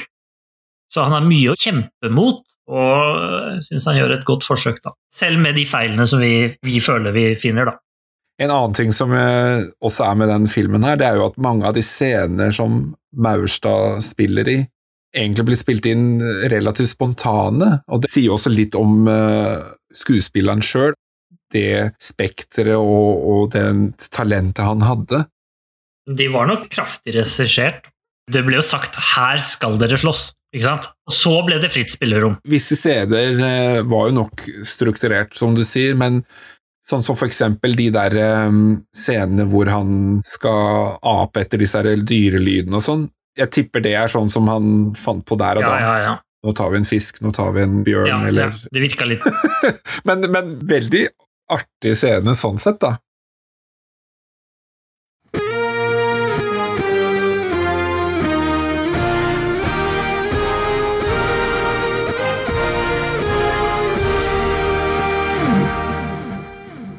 Lars, er det noe du tenker som er litt sånn typisk norsk ved denne filmen? Jeg satt og tenkte litt på det der. Det første var jo at man får jo egentlig litt inntrykk av hvor landstrakt Norge egentlig er. Altså når man ser på scenene og hvor det er filmet, og hvor spredt bebyggelsen egentlig er. Jeg tenker spesielt helt i start i havna der. Så ser man en bygning i bakgrunnen hvor det står landhandel og telefon. Mm. Og, det sier jo litt om også den tiden at telefon var kanskje ikke så veldig vanlig å ha. Jeg ser jo litt for meg at hvis folk skulle ringe og sånn, så måtte du liksom traske ned til den herre landhandelen, da, og så ta en telefon til en onkel oppe i Gudbrandsdalen eller sånn. Men altså, den der byggen der da, viser jo litt om hvor langt ute i Norge vi egentlig er. da. Eh, hva med deg? Jeg tenker jeg er litt mer Dette er en film som viser det verste av Norge også. Viser også det beste av Norge, men det viser også noe av det verste av Norge. En fremmedfrykt som er eh, ganske massiv, spesielt her på 30-tallet selvfølgelig, i en periode hvor nasjonalisme var veldig sterkt. Så er det åpenbart at en fremmedfrykt her, at man, disse var farlige mennesker. Og, og som vi tidligere har diskutert, så er jo dette noe som eksisterer fremdeles mot samme folkegruppe, og eh, også andre grupper, selvfølgelig. Så selv om denne filmen setter fingeren på det, så det er ikke et problem som er løst. da. Og det er dessverre litt typisk norsk, føler jeg, denne her fremmedfrykten. Det kan jo være fordi at jeg er født og oppvokst i Norge, og at det derfor er sånn. Men, og jeg håper ikke at det er sånn, men når vi ser hvordan det ble skrevet i avisene om folkegrupper osv., så, videre, så er det litt farlig, da. Men så er det jo også andre typisk norske ting som er veldig mye hyggeligere. Eksempel så har du bondesamfunnet fra 30-tallet, som er ganske tydelig her. Man har Josefa, altså litt blåøyd, da. Altså, du stoler på at det må være bedre enn denne personen som jeg har problemer med, og dermed bare satser på det, går for det. Hun kunne jo løpt et hus et annet sted. Ja, Litt den derre naiviteten. Ja, ikke sant? Jeg håper det er litt norsk at du stoler på folk. Jeg eh, bet meg også å merke i disse her visesangene som dukker opp i løpet av filmen. Ja. Jeg nevnte jo tidligere 'Mellom bakker og berg', eller 'Nordmannen', som den egentlig er titulert. da. Det er mye sånn gitarspill, og det er mye visesanger fra Fenrik. Og det syns jeg også for meg fremstår ganske norsk, da. Det der med visesanger, at man har denne kulturen med å underholde og videreføre historier og sang.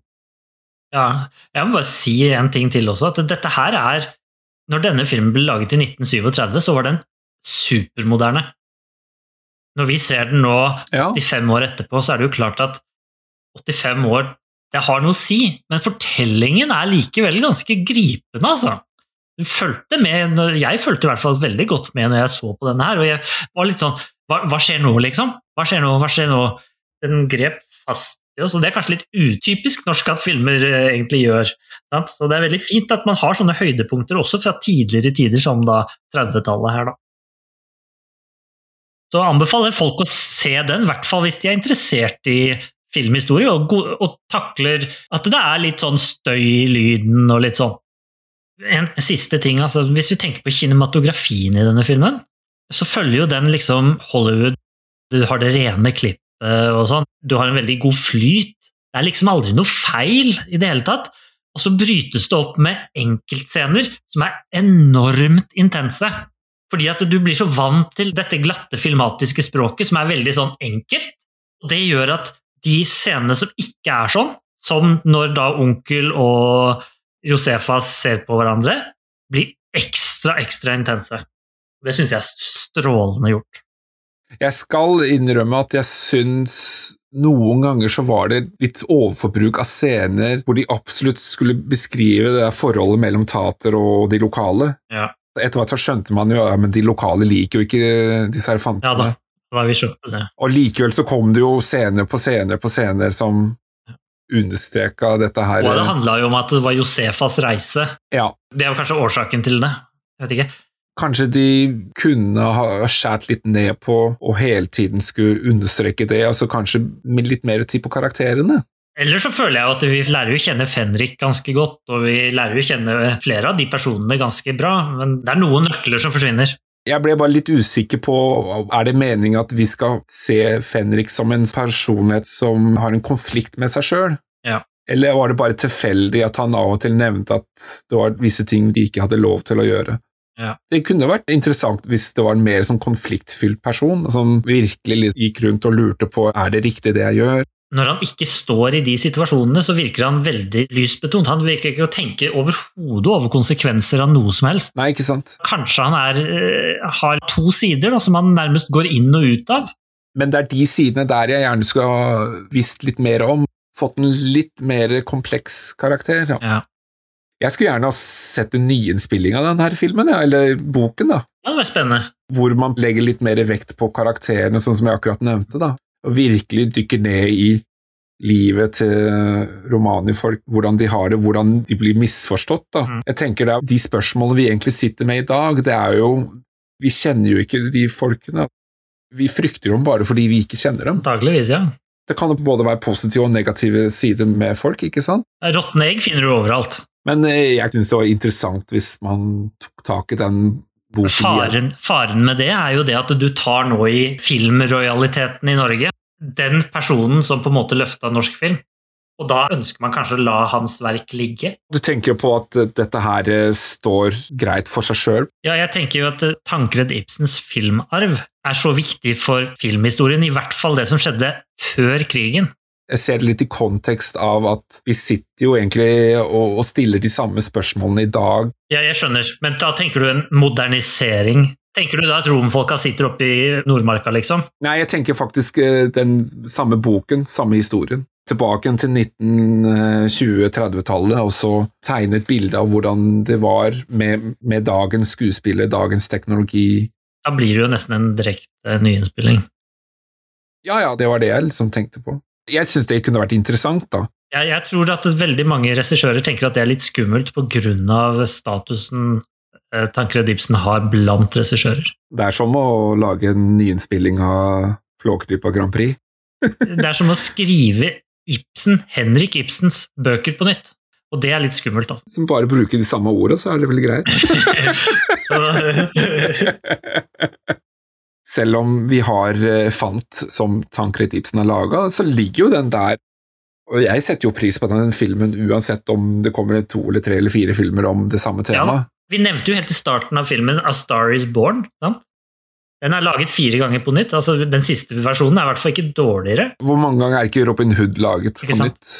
Eh, Så Lars, nå er, det, nå er vi ferdige. Da lurer jeg bare på hvilken film var det vi skulle se neste gang? Eller snakke om neste gang? Jeg har jo valgt en film som heter Ulykken. Oi, Den er fra 2009, og det er med um, Rune Temte i hovedrollen.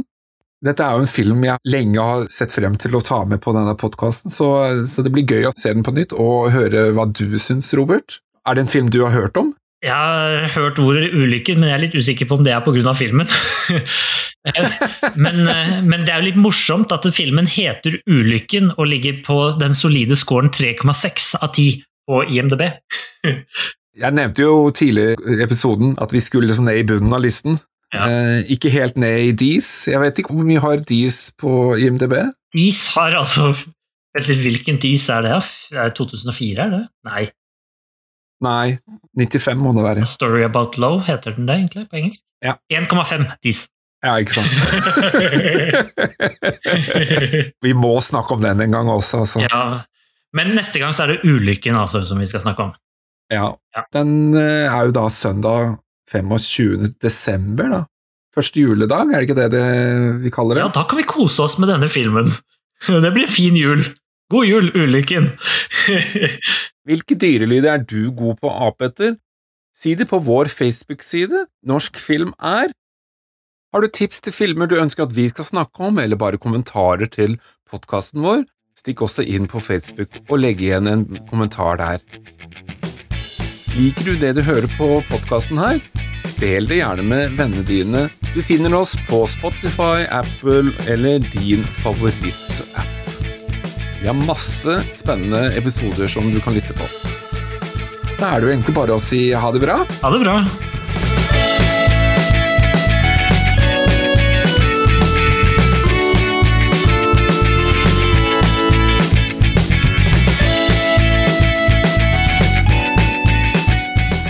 Nå skal jeg bare Hvor langt er vi kommet da? Vi har kommet til at vi har snakket om fan. Vi er ferdig. Ja, vi er ferdig med hele episoden. Nei, begynner å nærme seg 90 år. Nei, Jo, skal vi, nei, skal, vent litt. Jeg er så dårlig på hoderegning. skal vi se. Nå var den komma? 37? Og hun som spilte i denne filmen eh, Det dropper vi å si noen ting om.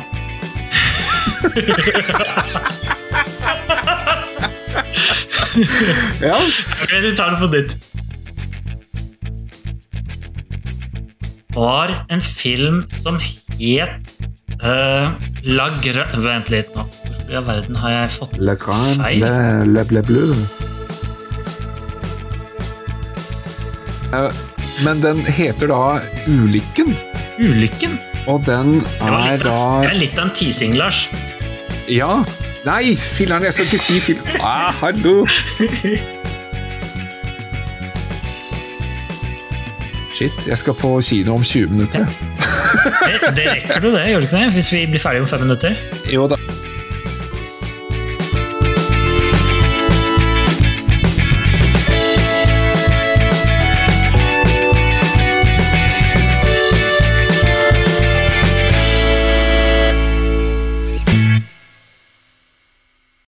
Fire timer og 40 til